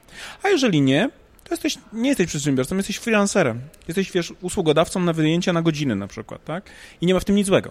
Mhm. Ale na pewno nie jesteś przedsiębiorcą, bo krótko mówiąc zarabiasz tylko wtedy, Kiedy pracujesz. kiedy pracujesz, tak? I teraz I jeżeli tego masz... się nie da praktycznie wyskalować. Tak jest, tak jest, bo to jest właśnie, to jest zmora, zmora e, freelancerów. Oni, wiesz, bardzo dużo mówią o wolności, zanim zostaną e, freelancerami, natomiast problem pojawia się, kiedy zostają tymi freelancerami, wtedy dowiadują się tak naprawdę, że wolność to jest e, iluzja, bo oni nigdy tak dużo nie pracują, jak właśnie wtedy, kiedy zaczynają pracować jako, jako freelancerzy, tak? Bo się okazuje, że żeby zarobić godziwą stawkę, to muszą pracować naprawdę w dużej liczbie godzin, więc e, to taka pułapka, w którą pewnie też czasami wpadamy. Nie? Ja nigdy na przykład nie myślałem o sobie jako freelancerze, mimo że zawsze byłem mikro przedsiębiorcą, ale nigdy nie pracowałem samodzielnie. Zawsze szukałem ludzi, wiesz, do współpracy. Tak, zawsze delegowałem pewne czynności, pewne obszary, co mnie kosztowało. Potrzebowałem na to jakiejś większej właśnie skali w postaci tego, wiesz, tej forsy, która gdzieś tam była potrzebna na starcie, ale z drugiej strony nauczyłem się przez to pracować systemowo, współpracując z ludźmi, delegując pewne rzeczy i tworząc na przykład bardzo złożone produkty, w sensie usługowo jako produkty mówimy tutaj, ale na przykład dzisiaj tworzymy, pracujemy dla, dla wiesz, klientów na dużą skalę, robiąc kilkanaście, właściwie, co ja mówię, kilkanaście, kilkadziesiąt strategii rocznie, e, czego nigdy bym jako jednostka nie był w stanie ogarnąć. Tak? Teraz mamy na przykład, w tym momencie jesteśmy w procesie, mamy dziewięć strategii marketingowych, które robimy dla dziewięciu przedsiębiorstw, czego jako freelancer samodzielnie nie byłbym w stanie zrobić nigdy, nie? A pracując w zespołach, jestem w stanie tak naprawdę koordynować wiele rzeczy, w które de facto ja nie angażuję się, wiesz, fizycznie, operacyjnie, natomiast oczywiście czuwam jako ten, który odpowiada za całość i dostarczam te gotowe rozwiązania, więc tutaj warto myśleć sobie o takich różnych poziomach, na których funkcjonujemy i, i czasami wracając do takich podstaw, trzeba myśleć również o tym, czy, czy mamy na to środki, tak? Bo jeżeli mamy na to środki, to to jest coś, co będzie dawało nam duże stopy zwrotu, a jeżeli nie mamy, to być może trzeba sobie zadać pytanie, czy akurat ta ścieżka jest dla nas. No i to jest właśnie znowu powrót do tej poduszki bezpieczeństwa, do tej strategii, do tego mm, równoległego, na przykład z pracą na etacie, budowania sobie tego portfela swoich przyszłych klientów, swojej marki, żeby mm, uniknąć tej gorączki, że jeżeli klient mówi, ma być na wtedy i wtedy za tyle i za tyle, to my mówimy, "Uff, okej, idę w to, bo potrzebuję, tylko mówię, nie, na jutro, tylko na za tydzień i nie takie, tylko takie, bo mogę decydować, bo, Tak. bo jeżeli on powie nie, to ja powiem, no trudno, będzie inny. Tak, tak. To jest jakby to poczucie tego bezpieczeństwa. Bardzo dużo osób, y, właśnie tak jak powiedziałeś, decyduje się na, na bycie przedsiębiorcą, przy czym jest freelancerem e, i dopiero po jakimś czasie tej pracy, kiedy dochodzi do tego, że już zaczyna być przedsiębiorcą, kiedy zaczyna wybierać klientów, to wtedy nagle doszedł do tej mądrości, ale ile było tak zwanych łez w poduszkę, Tak, czy tak. też zgrzytania zębów, to po drodze wiedzą ci, którzy próbowali. Tak. Ja w ogóle bym odradzał ludziom pchania się w stronę freelansu, bo to jest ta przereklamowana idea.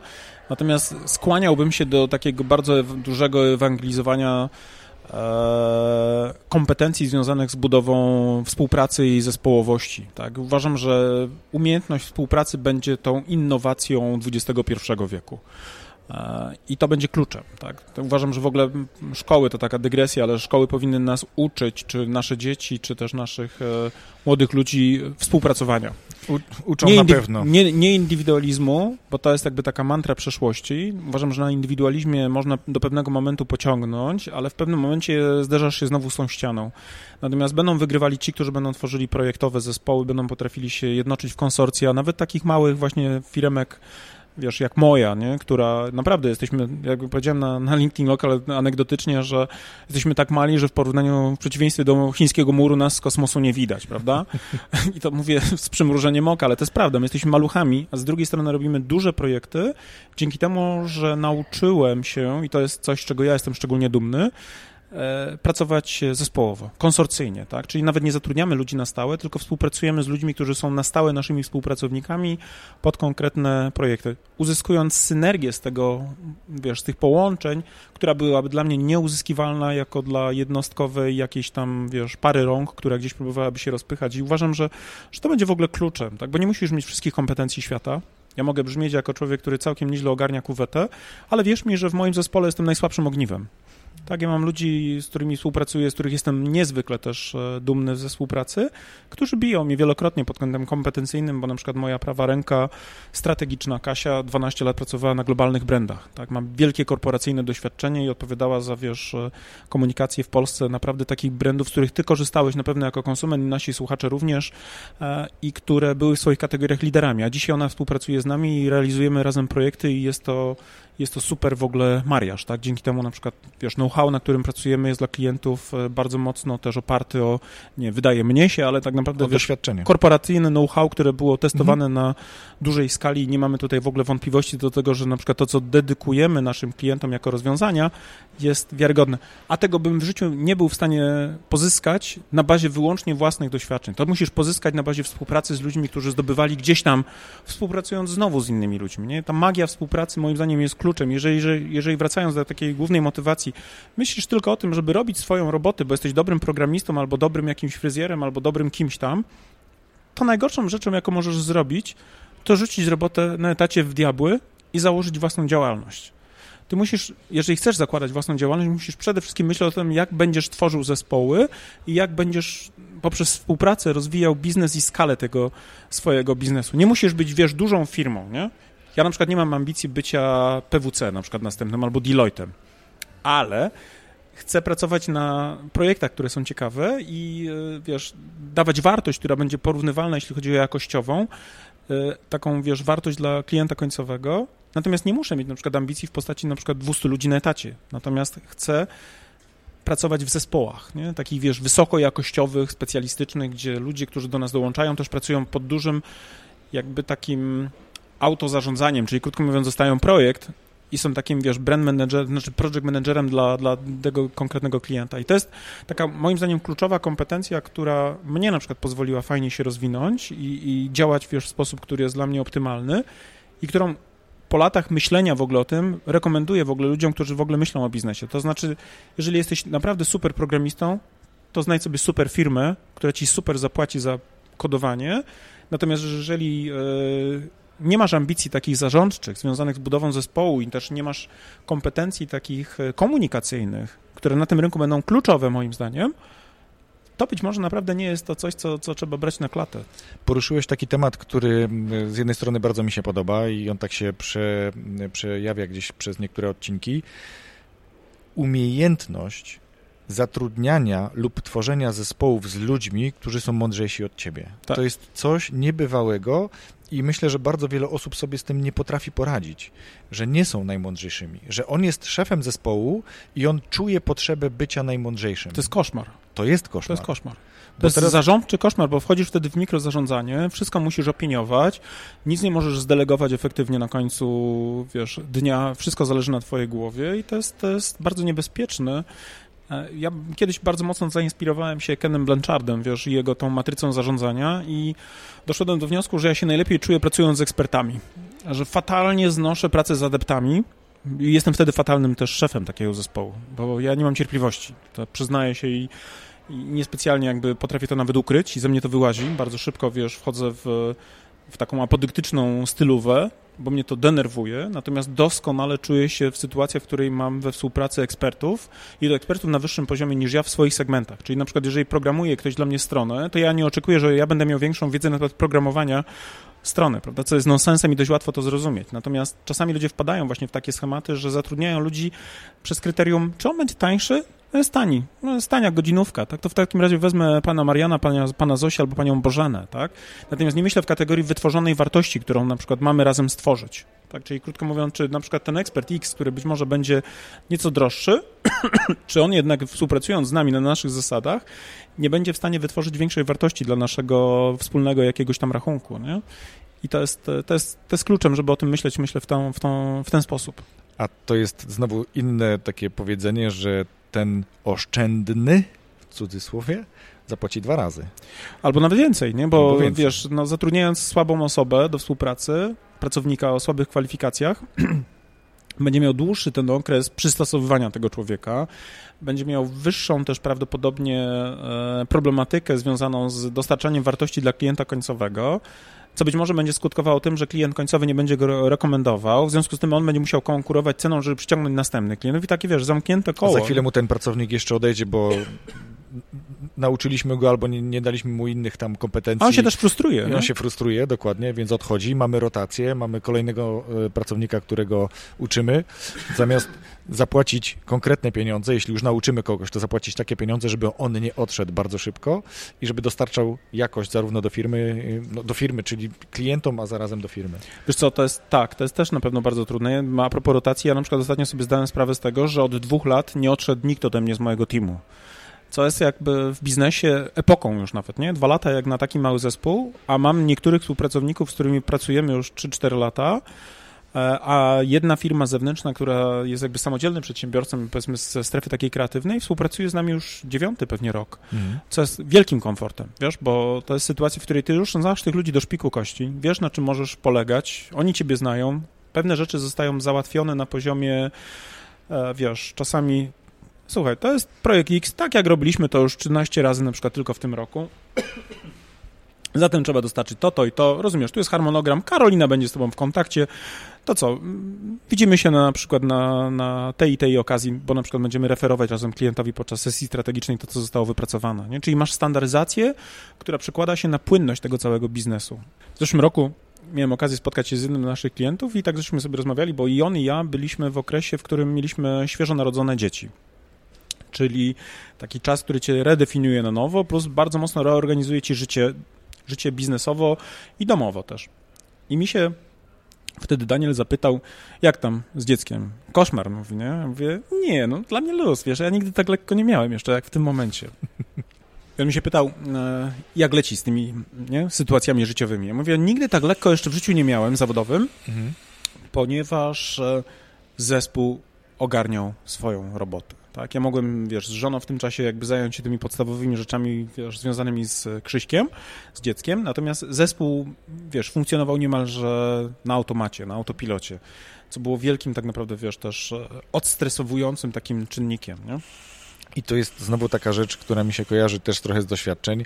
Ludzie też nie zdają sobie sprawy z tego, że taka firma, która z tobą współpracuje, mm, takiej firmie warto takiej firmie, takiej osobie warto zapłacić nieraz większe pieniądze niż są na rynku, tylko dlatego, że on już dobrze wie, co ma zrobić i on to zrobi lepiej i bardzo często szybciej niż firma, która przyszłaby i powiedziałaby, że zapłaci x mniej, czy jakby trzeba jej zapłacić x mniej, bo ona dużo dłużej będzie się wdrażała, poznawała projekty, poznawała mm, zasoby, z kim się ma kontaktować, jak to ma wyglądać. 30 razy będzie konsultowała, czy to idzie w ogóle w dobrą stronę, albo jeśli nie będzie konsultowała, to będzie 30 razy poprawiała później. A to też są koszty później. A to są niesamowite koszty, więc jeżeli zapłacisz raz więcej komuś, kto już kilka podobnych rzeczy dla ciebie robił, to i tak zaoszczędziłeś. Tak, to jest naprawdę te procesy wydawałoby się, że one są wtórne, tak, gdzieś tam jakby dalsze jakby na poziomie jakby ważności, natomiast one później powodują, czy osiągasz rentowność, czy nie. Ja teraz jestem już, wiesz, takim no, w swoim jakby segmencie, w którym ja operuję, dość doświadczonym przedsiębiorcą, i dla mnie na przykład zarządzanie czasem, jeśli chodzi o projekty, trwania i harmonogramami, jest kluczowe. Na przykład dzisiaj dzięki temu, że pracujemy właśnie w zespołach, które są bardzo mocno zgrane, mamy metodologię, która jest sprawdzona, która funkcjonuje, która jest e, bezdyskusyjnie efektow, efektowna z poziomu jakby mhm. wyników, ale też i, i efektywna na poziomie mhm. operacyjnym, to jestem w stanie na przykład oznaczyć na osi czasu start projektu i koniec projektu. I uwaga, dowieść go dokładnie co do dnia z planowanym czasem. Co się rzadko zdarza. To jest naprawdę niesamowite. Bo wiesz? najczęściej projekty są dwa razy tak. dłuższe i dwa razy droższe. Wiesz co, my dzisiaj pracujemy w konsultingu głównie, natomiast wcześniej pracowaliśmy też jako agencja, wyrośliśmy w ogóle ze świata egzekucyjnego. Byliśmy agencją reklamową, która robiła stronki internetowe, wiesz, takie wiesz, rzeczy klasyczne, Twarde. banerki, no już typowo egzekucyjna część. Potem zorientowaliśmy się, że to, co jest najbardziej istotną wiedzą, to wiedza strategiczna na temat tego, jak pozycjonować marki, co dawaliśmy za darmo. Wtedy. Żeby tak, żeby postawić komuś stronę tak. A potem stwierdziliśmy, że będziemy rezygnowali ze stawiania... Że strona jest tylko efektem, tak, a, tak, a to tak. wszystko wcześniej kosztuje. Także mhm. tak właśnie o to chodzi, nie? że mhm. przewartościowaliśmy jakby nasz system czy model biznesowy. Natomiast e, wtedy nie było projektu, żeby się nie rozjechał czasowo, bo wszystko, wszystko było robione na takich właśnie rotujących zespołach, wiesz, chwytania okazji, tak, na zasadzie brania to, co podleci, żeby zapewnić biznesowi płynność.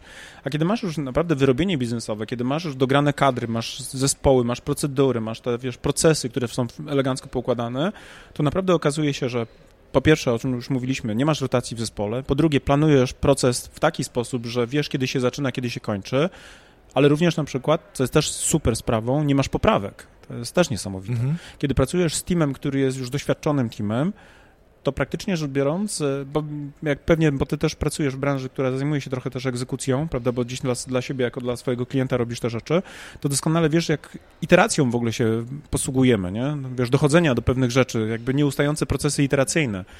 E, I w przypadku pracy kreatywnej dla klientów, kiedy tworzysz jakieś tam rzeczy, strony internetowe, sklepy, czy, czy właśnie już kreacje komunikacyjne, to tu właściwie iteracja projektowa jest z klientem Zerowa. permanentna, typu 10 poprawek do poprawek przez poprawki, nie? No, a tak normalnie to już przy doświadczeniu jest, jest zero. Tak, przy tym już sprocesowanym u nas e, projekcie, który dzisiaj funkcjonuje we współpracy z klientami, klient dostaje dokumentację, jest przedstawiona, klient e, jest wtajemniczany jakby w aspekty, co dostał, jest dyskusja, jeżeli jest akcept, a akcept w 99% przypadku jest natychmiastowy, bo klient jakby prowadzony tym ciągiem logicznym, nie ma wątpliwości, że to, co jest jakby dostarczone, jest właściwe, zamykasz, e, wiesz, co do godziny niemalże cały jakby proces. To jest naprawdę niesamowite, bo e, odpadają ci procesy na, na, na poprawki. Mhm. Kiedyś na przykład, też, mówię też jako anegdotę, że mieliśmy takiego fajnego programistę, bardzo sympatycznego młodego człowieka, który się też u nas uczył. My uczyliśmy się też przy nim, ale on u nas, przy nas. I jedna z takich anegdotycznych sytuacji, Przemek, ten klient, ta strona, to co, ile czasu? W miesiąc. Nie ma problemu. Pół roku później nadal, ile jeszcze do zamknięcia projektu? Miesiąc. Miesiąc. Miesiąc. Wiesz, już dawno, dawno zostały pieniądze przejedzone, jakby pierwotne, planowane, więc jakby y, uważam, że, że takim kluczem do, do w ogóle fajnej takiej sytuacji komfortu biznesowego jest e, odrobienie tych lekcji, czyli przepracowanie podstaw, pomyślenie o tym, z kim będziesz pracował, tak, kogo chcesz obsługiwać jako, jako, jako tego partnera rynkowego, kogo chcesz mieć, tak, bo nie wszyscy dostarczą tobie tą samą wartość w perspektywie, bo wszyscy mówimy o tym, że biznes powinien dostarczać wartość dla klienta, ale tak naprawdę, kiedy zakładasz biznes, to nie myślisz o tym, jaką ty wartość dostarczysz klientowi, tylko uważam, że powinieneś myśleć również, czy ten jaką, rynek... Jaką sobie też tak wartość. Jest, no. Tak Jakie życie ty będziesz z tego miał, tak? Bo ja dziękuję ci, gdybyś mi proponował na przykład pracę od 8 do 23 codziennie w metodologii hustle, której ja po prostu nienawidzę, tej, wiesz, filozofii, która polega na ciśnięciu bez, bez celu, ale ciśnięciu. Wejnerczuk. Tak, ja po prostu nienawidzę, wiesz, tego myślenia w tych kategoriach, typu ciśnij, ciśnij, ciśnij, aż po prostu nie wyciśniesz, nie? Mm. Życia. Ja uważam, tak, bo ja uważam, że powinniśmy naprawdę zanim cokolwiek zrobimy, sobie dobrze przeplanować, czy to, co robimy, ma sens. Jeżeli ma sens, to jak to właśnie poprocesować, żeby miał ręce i nogi, żeby, krótko mówiąc, nie skończyć jak ten chomik w tym kołowrotku zamęczony, bo myślenie o, klienta, o kliencie jest paradygmatem, takim założeniem wstępnym. Tak? Wiadomo, że musimy świadczyć usługi, które będą, będą e, dawały satysfakcję tym, którzy zamawiają te usługi, ale na koniec dnia tak naprawdę my musimy być również usatysfakcjonowani. My, jako te osoby, które prowadzą firmę, musimy wiedzieć, że to ma sens, że budujesz na przykład, nie wiem, zaplecze dla swojej rodziny, że dzięki temu, nie wiem, jesteś w stanie wykształcić dzieci, że jesteś w stanie mieszkać fajnie, że, że wiesz, że, że masz na, na, naprawdę spokój pod sufitem, nie? Bo jak ja często mam okazję pracować z właścicielem. Ja pracuję najczęściej z tym e, poziomem C-level, tak? czyli powiedzmy z tymi zarząd, osobami z poziomu zarządczego. Mhm. To często wpadam na prezesów, członków zarządu, którzy są tak piekielnie zestresowani, że dla mnie ta gra, w którą oni grają, nie jest warta tej świeczki. Tak? Bo owszem, być może wykonują jakieś tam ważne rzeczy, ale gdybym miał spojrzeć na ich styl życia, który przy okazji realizują, to coś poszło fundamentalnie nie tak. Mhm. Kiedyś mieliśmy okazję robić, wiesz, taki badanie marketingowe dla jednego klienta i przy okazji spotykaliśmy, spotykaliśmy się z e, ich klientami na takich, na serii wywiadów indywidualnych. Kiedyś rozmawialiśmy z właścicielem dużej firmy budowlanej, dużym deweloperem, powiedzmy, z, z, w jednym z regionów. Facet wyglądał w ogóle jak taki, wiesz, archetypowy człowiek z e, amerykańskiego e, kryminału, jak taki, wiesz, Don Corleone, tylko w polskiej wersji. E, przyjął nas przy kawie, papierośnicy takiej, wiesz, w sensie Ojej. popielniczce, gdzie tam było kilkanaście petów w ciągu dnia, wiesz, wypalonych. Super. Do tego oczywiście w szklance musiało trochę być alkoholu, jakieś whisky tam, pewnie gatunkowej, ale whisky.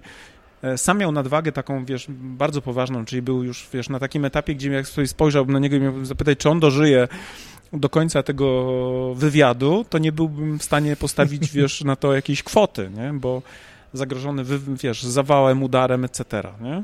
Kiedyś, przed laty, e, na studiach byłem ratownikiem medycznym i jeździłem w zespole reanimacyjnym. I zdarzyło mi się kiedyś uczestniczyć w takim e, E, zdarzeniu, czy też akcji ratunkowej, gdzie byliśmy wezwani do hotelu, do jednego z hoteli, wiesz. I tam była akurat delegacja Francuzów na delegacji w Poznaniu, mieli jakiś biznes i mieli wieczór, wieczór wcześniej, bo byliśmy gdzieś tam nad ranem dnia, powiedzmy tam powiedzmy o 8 rano, w jakimś tam powiedzmy okresie, a dnia poprzedniego ta delegacja miała jakąś imprezę i ratowaliśmy faceta, który dostał udaru, wiesz, jeszcze w hotelu leżał, oczywiście w łóżku hotelowym, e, w garniturze z wczoraj, czyli pewnie wrócił, wiesz, po, po, po kolacji i w tym łóżku, wiesz, dostał po prostu zwyczajnie e, udaru. ataku, wiesz, mhm. to znaczy dostał udaru.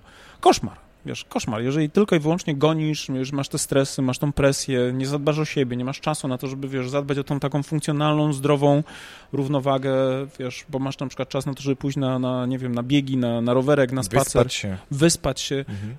A tylko żyjesz tą grą, bo, bo gonisz za wynikami, to też jest to bardzo, bardzo niebezpieczne, nie? Na pewno, bo to jest e, zawsze czas. My zawsze gonimy. A propos czasu, chciałem Ciebie zapytać, bo powiedziałeś, że dzisiaj praktycznie bezbłędnie na e, linii czasu zaznaczasz start i koniec projektu. To ile w takim razie średnio może trwać, czy trwa mm, przygotowanie strategii marketingowej?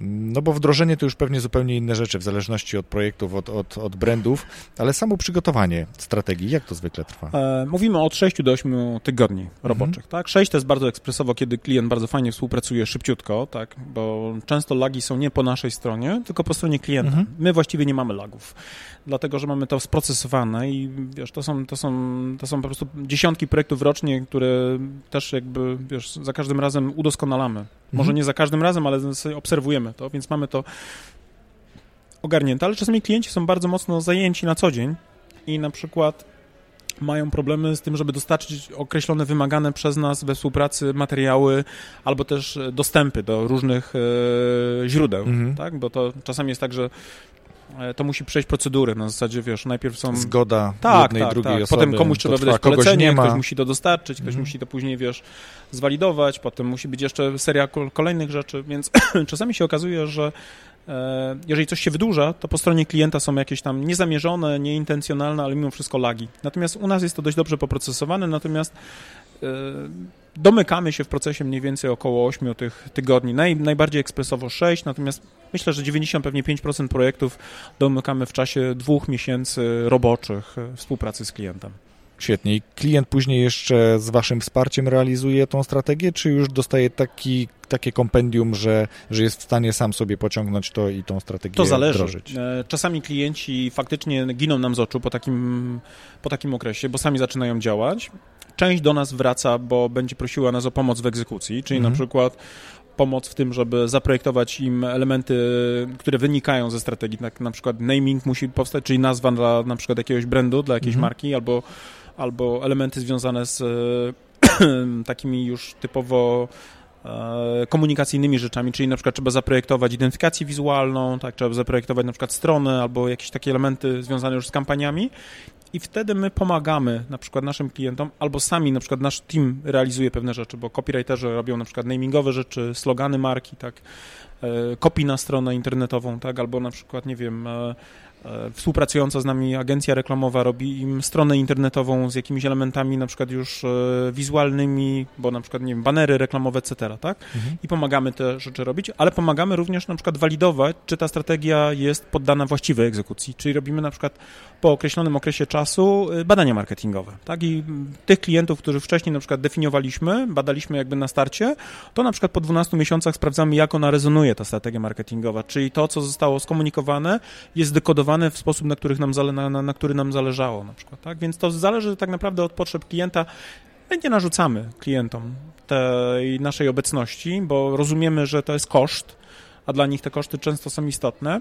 Natomiast nigdy nie odmawiamy im pomocy w tym zakresie i, i, staramy się być takim, wiesz, otwartym dla nich zasobem, tak? Czyli jeżeli na przykład w danym momencie potrzebujemy zasięgnąć właśnie opinii, czy coś działa, to wtedy jesteśmy otwarci. I tu wspomniany na przykład Maciek Kauc, jako marka osobista po roku do nas przyszedł ostatnio na konsultację i sobie rozmawialiśmy o postępach, analizowaliśmy jego dotychczasowe wyniki, wskazywaliśmy, co by mógłby jeszcze poprawić, jak powinna wyglądać jego nowa strona internetowa, odpowiedzieliśmy na pytania, które mu się rodziły w procesie tworzenia tej strony i takie tam powiedzmy rzeczy. Czyli drobna też taka mała pomoc w tym takim, w takim wiesz, już e, samodzielnym wdrażaniu, nie? Mhm.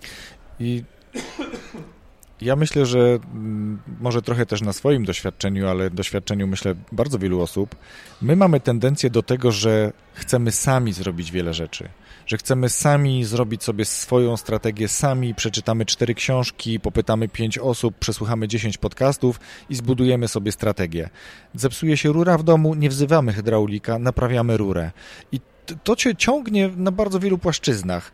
I tak. zapewne, bo widzę, że się uśmiechasz, zapewne dotyka ciebie to, że ludzie sami chcą tak. to zrobić, uważają, że zrobią to lepiej, a później się okazuje to, co, to, co zwykle się okazuje i, i wracają, bo, bo coś jest nie tak. Tak, tak, to jest, to jest, to jest ten syndrom Zosi Samosi, tak? Ja, ja na szczęście jestem słaby w czynnościach technicznych i dzięki temu nie mam ambicji do grzebania samodzielnie. Moja żona na przykład jest niezwykle uzdolniona technicznie, jest takim naszym technolog, takim, wiesz, e, CTO naszej firmy, nie? Mm -hmm. To właśnie ona. Nie? W ogóle na wizytówce nosi dumny tytuł e, dyrektora operacyjnego. O. Bo nas wszyscy są dyrektorami, nie? Ale nie dlatego, że mamy strukturę wielką, tylko dlatego, że dyrektor, ja zawsze tłumaczę, że to jest od nadawania, wiesz, direction, nie? Kier kierunku. Tak, kierunku. Tak. Mm -hmm. Ale faktycznie moja żona jest takim taką, taką złotą rączką i to na poziomie czy naszego podcastu, naszych kanałów, naszych kampanii, naszych rzeczy wizerunkowych. To wszystko robi Karolina. W 90 pewnie procentach poza stworzeniem naszej strony internetowej, gdzie programiści kodowali, to pewnie 90% rzeczy, które widzisz i słyszysz w komunikacji, to ja tylko jestem tam obecny jako głos, jako twarz, a Karolina jest tam tym takim mastermindem, który opędza to jakby technologicznie. Ale e, mówię o tym dlatego, że ja jestem po prostu tak słaby technologicznie, więc nigdy nie miałem nawet takich pomysłów, żeby coś robić samodzielnie. Zawsze myślałem, ok, wiem, co trzeba zrobić, teraz pytanie, kto to zrobi dla mnie. Natomiast czasami takim przekleństwem właśnie ludzi jest to, że potrafią coś zrobić sami. Czyli na przykład potrafią, nie wiem, zmienić sobie, wiesz, coś w WordPressie, w związku z tym nagle myślą, że okej, okay, skoro potrafię sobie coś pogrzebać w CMS-ie własnym, to być może również zaprojektuję wizerunek. Skoro potrafię na przykład zrobić banerek, to być może będę myślał w kategorii myślenia, wiesz, o całym systemie brandingowym dla siebie. A potem się okazuje, że jednak brakuje jakiejś wiedzy w poszczególnych elementach i ten tak system... Tak naprawdę doświadczenia. Tak, brakuje, żeby te, te elementy ze, ze sobą zaczęły trybić, tak? I i e, to jest taka pułapka. Ja często właśnie widzę ekspertów w jakichś tam dziedzinach, którzy wpadają w taki schemat samoogarniania wszystkich spraw. Natomiast ja zawsze polecam e, jedno rozwiązanie ty jako osoba, która gdzieś tam zarządza sobą, swoim brandem, nawet mikrobrandem, bądź tym, który rozumie cele, jakie ma przed sobą do zrealizowania, niech rozumie rynek, czyli tego konsumenta i to, czym on jest na tym rynku, czyli to pozycjonowanie niech będzie istotą jego wiedzy, niech się na tym koncentruje, natomiast reszta niech będzie wyzwaniem dla ludzi, którzy będą mu mogli pomóc w tym, w tym obszarze. I to nie są często drogie rzeczy, bo ludzie mówią, kurczę, wiesz, ale ty działasz już w takiej dużej skali. Ja zawsze mówię, Jezu, jakiej ja skali działam? Jestem mikroprzedsiębiorcą którzy po prostu, który po prostu myśli o skalowaniu drobnych rzeczy. Ja na przykład o, Nawet śrubki w domu nie, nie wbijam, wiesz, w ścianę. To robi moja żona. Żartuję. Ale faktycznie, gdybyś zapytał się u nas, co robi moja żona, to większość rzeczy technicznych w naszym domu robi nasza żona. Mhm. Tak? Poza jakimiś ciężkimi sprawami, które trzeba przenieść, to powiedzmy, no już ja już nie mogę powiedzieć, Jasne. kochanie, weź ogarnij, nie? Przenieść tą pralkę. Przenieść tą pralkę, nie? To już niestety, niestety ona odmawia, nie? Mimo, że ja próbuję. To tu asertywność działa. To, to działa, tak? Ale też ja rozumiem, że fizycznie nie ma szans ale naprawdę, wiesz, potrafię malować ściany, potrafię wiercić, potrafię, nie wiem, pewnie bym potrafił panele poukładać, ale absolutnie wystrzegam się robienia tych rzeczy. Zawsze będę szukał majstra do tego, tak? Mhm. Dzisiaj e, tu mogę sobie z tobą rozmawiać w tym miłym miejscu, a z drugiej strony w tym czasie, kiedy my tu sobie rozmawiamy, w domu remontuje pan nam korytarz, maluje, tak? Mhm. On sobie te rzeczy robi. A wiele osób by powiedziało na mojej pozycji, stary, ale przecież po co masz płacić komuś, kiedy możesz zrobić te rzeczy sam? No tak, ale w tym czasie na przykład ja mogę spędzić miło czas, porozmawiamy. Dla mnie jest to też marketingowy też jakby zasób. Twój kanał, twoja społeczność. Być może ktoś przyjdzie, powie Mario, to w takim razie zapraszam do współpracy. I zarobię wielokrotnie więcej na przykład dzięki tej rozmowie, niż bym oszczędził. Niż zaoszczędziłbyś, dokładnie Na tak. panu, który mi tam maluje. Tak? I ja tak. myślę w każdych kategoriach w ten sposób, tak? Czyli na przykład nie będę uczył się kodowania, bo zatrudnię programistę. Nawet jak wydałem na przykład w zeszłym roku 15 tysięcy na zakodowanie naszej strony, to nie żałuję tych pieniędzy, bo w międzyczasie przez tą stronę przewinęło się 100 tysięcy dusz, tak? Z czego my żeśmy zrealizowali setki tysięcy w sprzedaży. Więc jak ja sobie myślę, ok, może bym spędził 3 lata na tym i się nauczył tak programować, żeby strona śmigała tak jak śmiga, to byłoby to kompletnym absurdem, bo bym w tym czasie na przykład nie jeździł, nie rozmawiał, nie Utracone komunikował. korzyści byłyby dużo... Chryste, panie, nie? To trzeba się naprawdę wyzwolić z takich, e, z takich, takich mentalnych wzorców, bo one, one, one przeszkadzają nawet kiedy działa się w mikroskali, bo ja cały czas przypominam, że ja działam w mikroskali, nie jestem przedsiębiorcą e, jakimś powiedzmy dużym. Mhm. W naszym zespole pracuje kilkanaście osób, ale nie mamy ani jednego pracownika. Mamy wszystko, wiesz, połączone. Tak, wszystko mamy, wiesz, konsorcyjnie współpracujące, natomiast nie robię praktycznie nic sam. Tak? Mhm. Jedyne, co ja, wiesz, sam robię, to właśnie, wiesz, ta rzecz komunikacyjna, która która buduje brand, która buduje jakby, wiesz, zaufanie do marki, która polega na koordynowaniu procesów, ale w samych tych procesach ja bardzo rzadko też uczestniczę, nie? Mhm. To, jest, to, jest, to jest chyba klucz dla mnie przynajmniej bardzo jakby ważne jest to, żeby mieć tego świadomość, o, tak bym powiedział, tak, nie? Tak, tak. Wiesz co, na, y, mam takie tak naprawdę chyba dwa pytania. Jedno to takie, które zwykle zadaję na początku, ale weszliśmy od razu twardo i, i, i pociągnęliśmy dalej ten temat, dlatego już nie, nie przerywałem. E, więc zapytam ciebie teraz, chociaż już mam wrażenie, że znam odpowiedź. Co jest twoją pasją? Wiesz co, y, pasją... Y, słowo pasja y, to jest takie bardzo, takie, wiesz, to, to jest takie mocne słowo, takie... Tak że aż cierpisz, jak tego nie robisz, albo nawet się spalasz robiąc, nie? Bo to właściwie... Albo szukając. No, no, więc e, dla mnie pasja jest takim e, może zbyt, e, zbyt mocnym słowem, natomiast... Mm, w czym się spełniasz? Myślę, że lubię grać w biznes, bo dla mnie biznes jest grą. Mhm. Lubię, lubię te procesy, które, które rozumiem. Jakby to powiedział, jakby powiedziała młodzież, jara mnie to, czy też kręci mnie to obserwowanie, jak na moje pomysły reagują ludzie na zewnątrz. Czyli krótko mówiąc, bo wiesz, to jest, to jest radość konceptualizowania i potem radość obserwowania, jak te koncepty się urzeczywistniają, tak? Czy to jest pasja? Może niektórzy by to nazwali pasją, natomiast na pewno mnie to bardzo interesuje. Na pewno lubię obserwować e, te wszystkie elementy tej układanki. Lubię bawić się e, też komunikowaniem. To jest ewidentnie dla mnie też przyjemność. Mhm. E, móc oddziaływania na jakąś tam społeczność i obserwowanie, jak ona też później reaguje na te, na te nasze rzeczy. Ale mało spektakularna pasja też polega na tym, że ja lubię dużo czytać. Lubię czytać i obcować w ogóle z książkami. Dla mnie to jest też coś, co, co daje mi też takie pole do zdobywania równowagi, też takie, wiesz, uspokajanie, ale też i lubię bardzo pisać. To też może być taka rzadka rzadka, rzadkie zainteresowanie, bo ludzie generalnie mało piszą, mimo że dużo blogów jest w Polsce, to jednak jakby w całej populacji większość ludzi raczej konsumuje treści niż mhm. tworzy. Mhm. A ja znajduję w tym dużo radości i dużo takiej też wewnętrznej przyjemności i sobie ostatnio zastanawiałem się, że być może to wynika z tego, że pisanie jest taką głęboką medytacją dla mnie. Nie wiem, czy ty też... Taką jakby... refleksją. Tak, bo to, wiesz, ja najczęściej piszę o świcie, kiedy cały dom śpi, kiedy w ogóle świat jeszcze generalnie śpi, bo wstaje przed szóstą wtedy rano i tak się głęboko zanurzam w tekst, w te, w te myśli, wiesz, potem bardzo mnie to cieszy, to co powstało i potem nawet tak sobie tak zamlaszczę z dwa, trzy razy, jak przeczytam z dwa akapity i mówię, Sam siebie docenię, tak, mówię, weszło. mi, po ramieniu. tak, to mi weszło. Och, nie? Mario, poszło. Tak. Potem żona mówi, Jezu, co za stek bzdur, nie? bo ona jest pierwszym recenzentem. Nie? Super, to mam podobnie. Tak, tak, więc jakby to są takie małe elementy, natomiast e, nie mam jednej takiej jedynej rzeczy w życiu. Ja raczej patrzę zawsze kompleksowo, tak? Wiem, że muszę na przykład e, e, uprawiać również sport, tak? Dla mnie sport jest bardzo ważną częścią życia, ale nie pasjonuję się nim, nie jestem na przykład fanem piłki nożnej, nie obserwuję w ogóle sportu, rzadko kiedy kibicuję komukolwiek, bo mnie to nie interesuje, natomiast lubię być aktywny fizycznie, tak? Bardzo często na przykład podczas urlopów wypoczywam na na bardzo prozaiczny sposób. Czyli biorę książkę, a wieczorami na przykład biegam. Tak, czyli wiesz, O sport chciałem cię zapytać, zakładam, że to było bieganie. tak, Tak, bie, bieganie, bo jest Mhm. proste, jest Tak, proste, tak. medytacyjne, niewymagające, plus Buty daje w bagażniku, jakby co. Tak, tak. Ja bardzo często na przykład jeżdżąc gdzieś na szkolenia po Polsce, bo też dużo szkole i występuję, no to biorę sobie właśnie torbę, buty i śmigam gdzieś Mhm. tam, wiesz, po okolicznych różnych tam górkach. Wietrzysz głowę. Tak, tak, tak. Plus y, poznaję w ten sposób też otoczenie, wiesz? Na przykład jak byliśmy teraz w Grecji i byliśmy później, chwilę później e, we Włoszech, to uwielbiałem te fragmenty turystyki biegowej, czyli wiesz, poznawanie otoczenia na przykład, tak? Więc to są rzeczy, które nie wiem, czy bym nazwał, że mnie pasjonuje to, ale jest to dla mnie ważne i daje mi siłę i energię taką, wiesz, uważam, że sam biznes nie może być e, wiesz, siłą napędową całego Mhm. życia. Jest dla mnie bardzo ważny, lubię tą grę, cieszy mnie to, że dzięki temu mamy dobre życie z żoną i dużo takiego też pozytywnego feedbacku odbieramy od naszych klientów, od rynku, od społeczności, bo to też ewidentnie, nie ukrywajmy, sprawia przyjemność, ale, ale to nie wystarcza.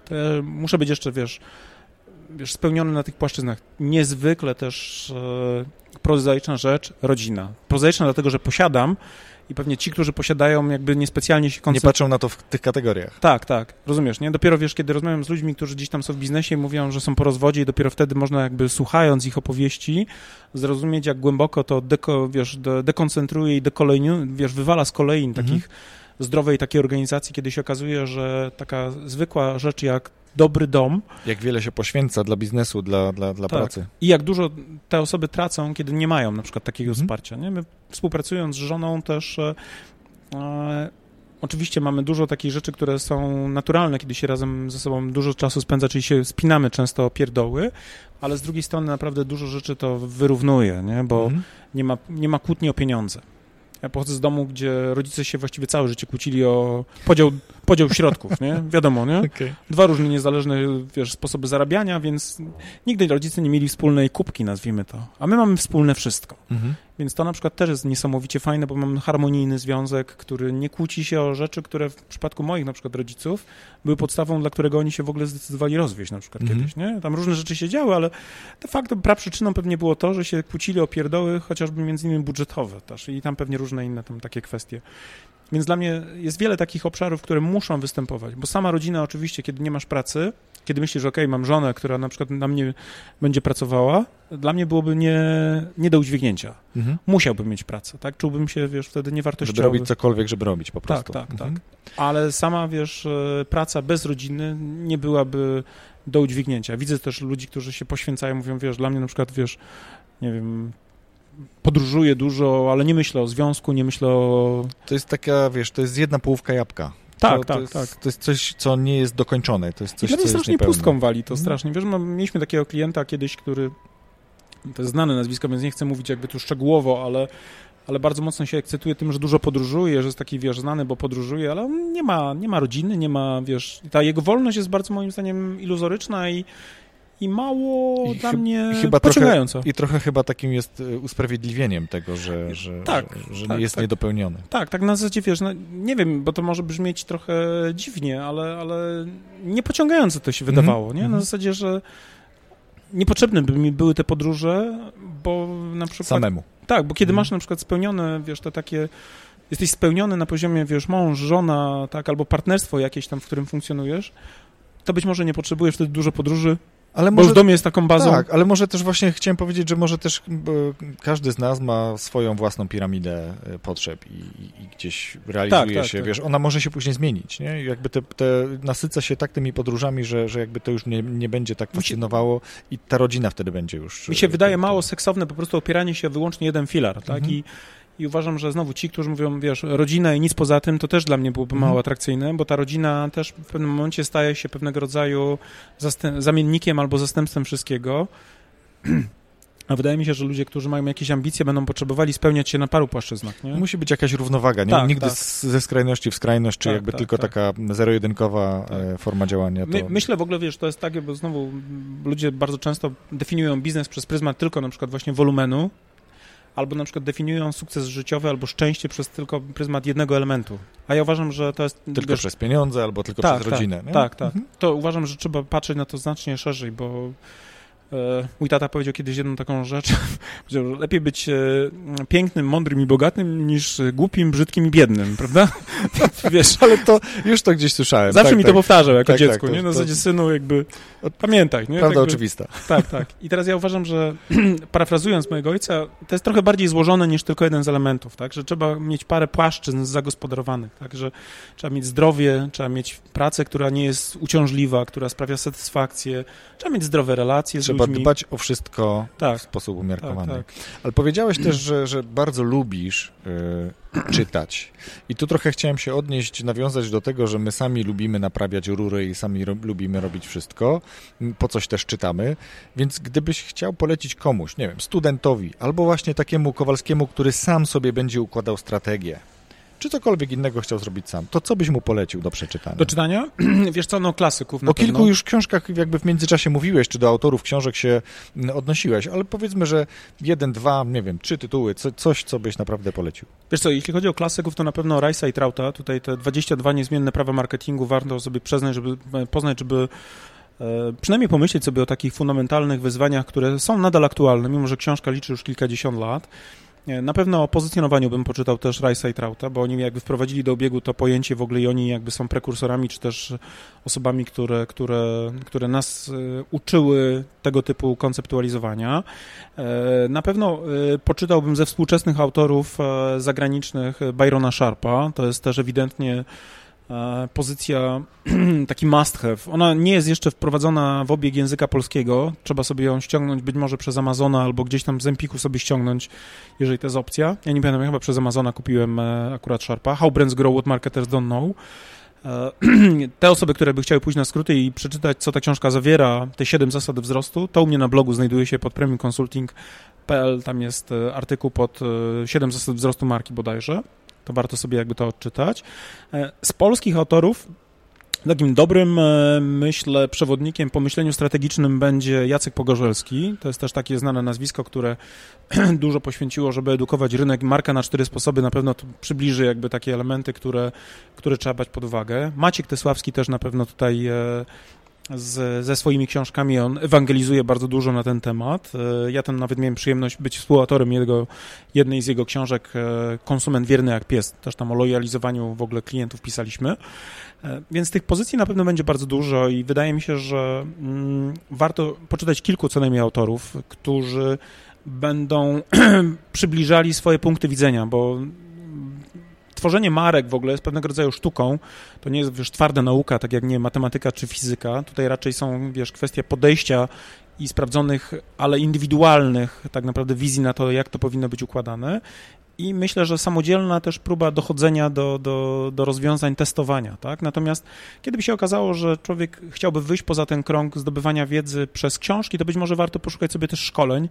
Ja em, polecam oczywiście swoje własne, bo też prowadzę szkolenia otwarte. Zawsze można do mnie przyjść pod kątem e, takiej wiedzy, która poukłada zarówno na poziomie strategicznym e, tą wiedzę, e, jak to po, porobić od fundamentów, ale też można właśnie szukać takich nazwisk jak właśnie Jacek Pogorzelski, on też szkoli, Maciek Tesławski chyba też robi warsztaty takie typowo strategiczne, więc tutaj można próbować łączyć to na wielu poziomach, nie? Świetnie. Na pewno można Cię obejrzeć na YouTubie, można Cię znaleźć na LinkedInie. Gdzie jeszcze w sieci można Cię znaleźć, tak żeby odesłać na przykład kogoś, kto będzie zainteresowany? Nasz lejek marketingowy jest szeroki, więc właściwie pewno, jak pewno. już wejdziesz w orbitę, Jest, jest Instagram, bo robiłeś tutaj Insta Stories na, Tak, na tak. wejście. jak już drogi słuchaczu wejdziesz w orbitę, to ten, zobaczysz, że ten lejek jest dość szeroki. E, Zasadniczo wszystkie te najbardziej popularne platformy, czyli Facebook, LinkedIn, e, Instagram też, ale i blog jest dla nas bardzo ważnym miejscem, zatem też zachęcam do odwiedzenia tej naszej strony pod e, premiumconsulting.pl. E, newsletterowo to, że jesteśmy obecni, wysyłamy. Mamy też swój podcast, który też e, jest takim dla nas sposobem na dotarcie do ludzi, którzy właśnie lubią konsumować treści poprzez audio. Więc zasadniczo tak naprawdę jest wiele momentów, w których my staramy się być obecni w tym, w tym świecie jakby naszych klientów i, i tych naszych słuchaczy, którzy próbują tą wiedzę jakby sobie systematyzować. Świetnie. Wiesz, że rozmawiamy już ponad godzinę? E, wyobrażam sobie, chociaż nie czuję. To świetnie, bo ja też nie i tylko tak zobaczyłem na rejestrator, że to już jest ten czas. Więc y, dziękuję Ci bardzo po pierwsze za super wartościową, merytoryczną e, rozmowę, za no, też kilka wskazówek, ale też to, co powiedziałeś na samym końcu, czyli to, jak ważna jest ta równowaga w życiu i te lektury, które poleciłeś, myślę, że jak sobie sięgam pamięcią, to chyba jeszcze żadnej nie polecił żaden z gości, więc będą po raz pierwszy. Super, bardzo mi miło. To bardzo Ci dziękuję raz jeszcze. Ja Ci też bardzo dziękuję, to była naprawdę czysta przyjemność. Rozwój osobisty dla każdego.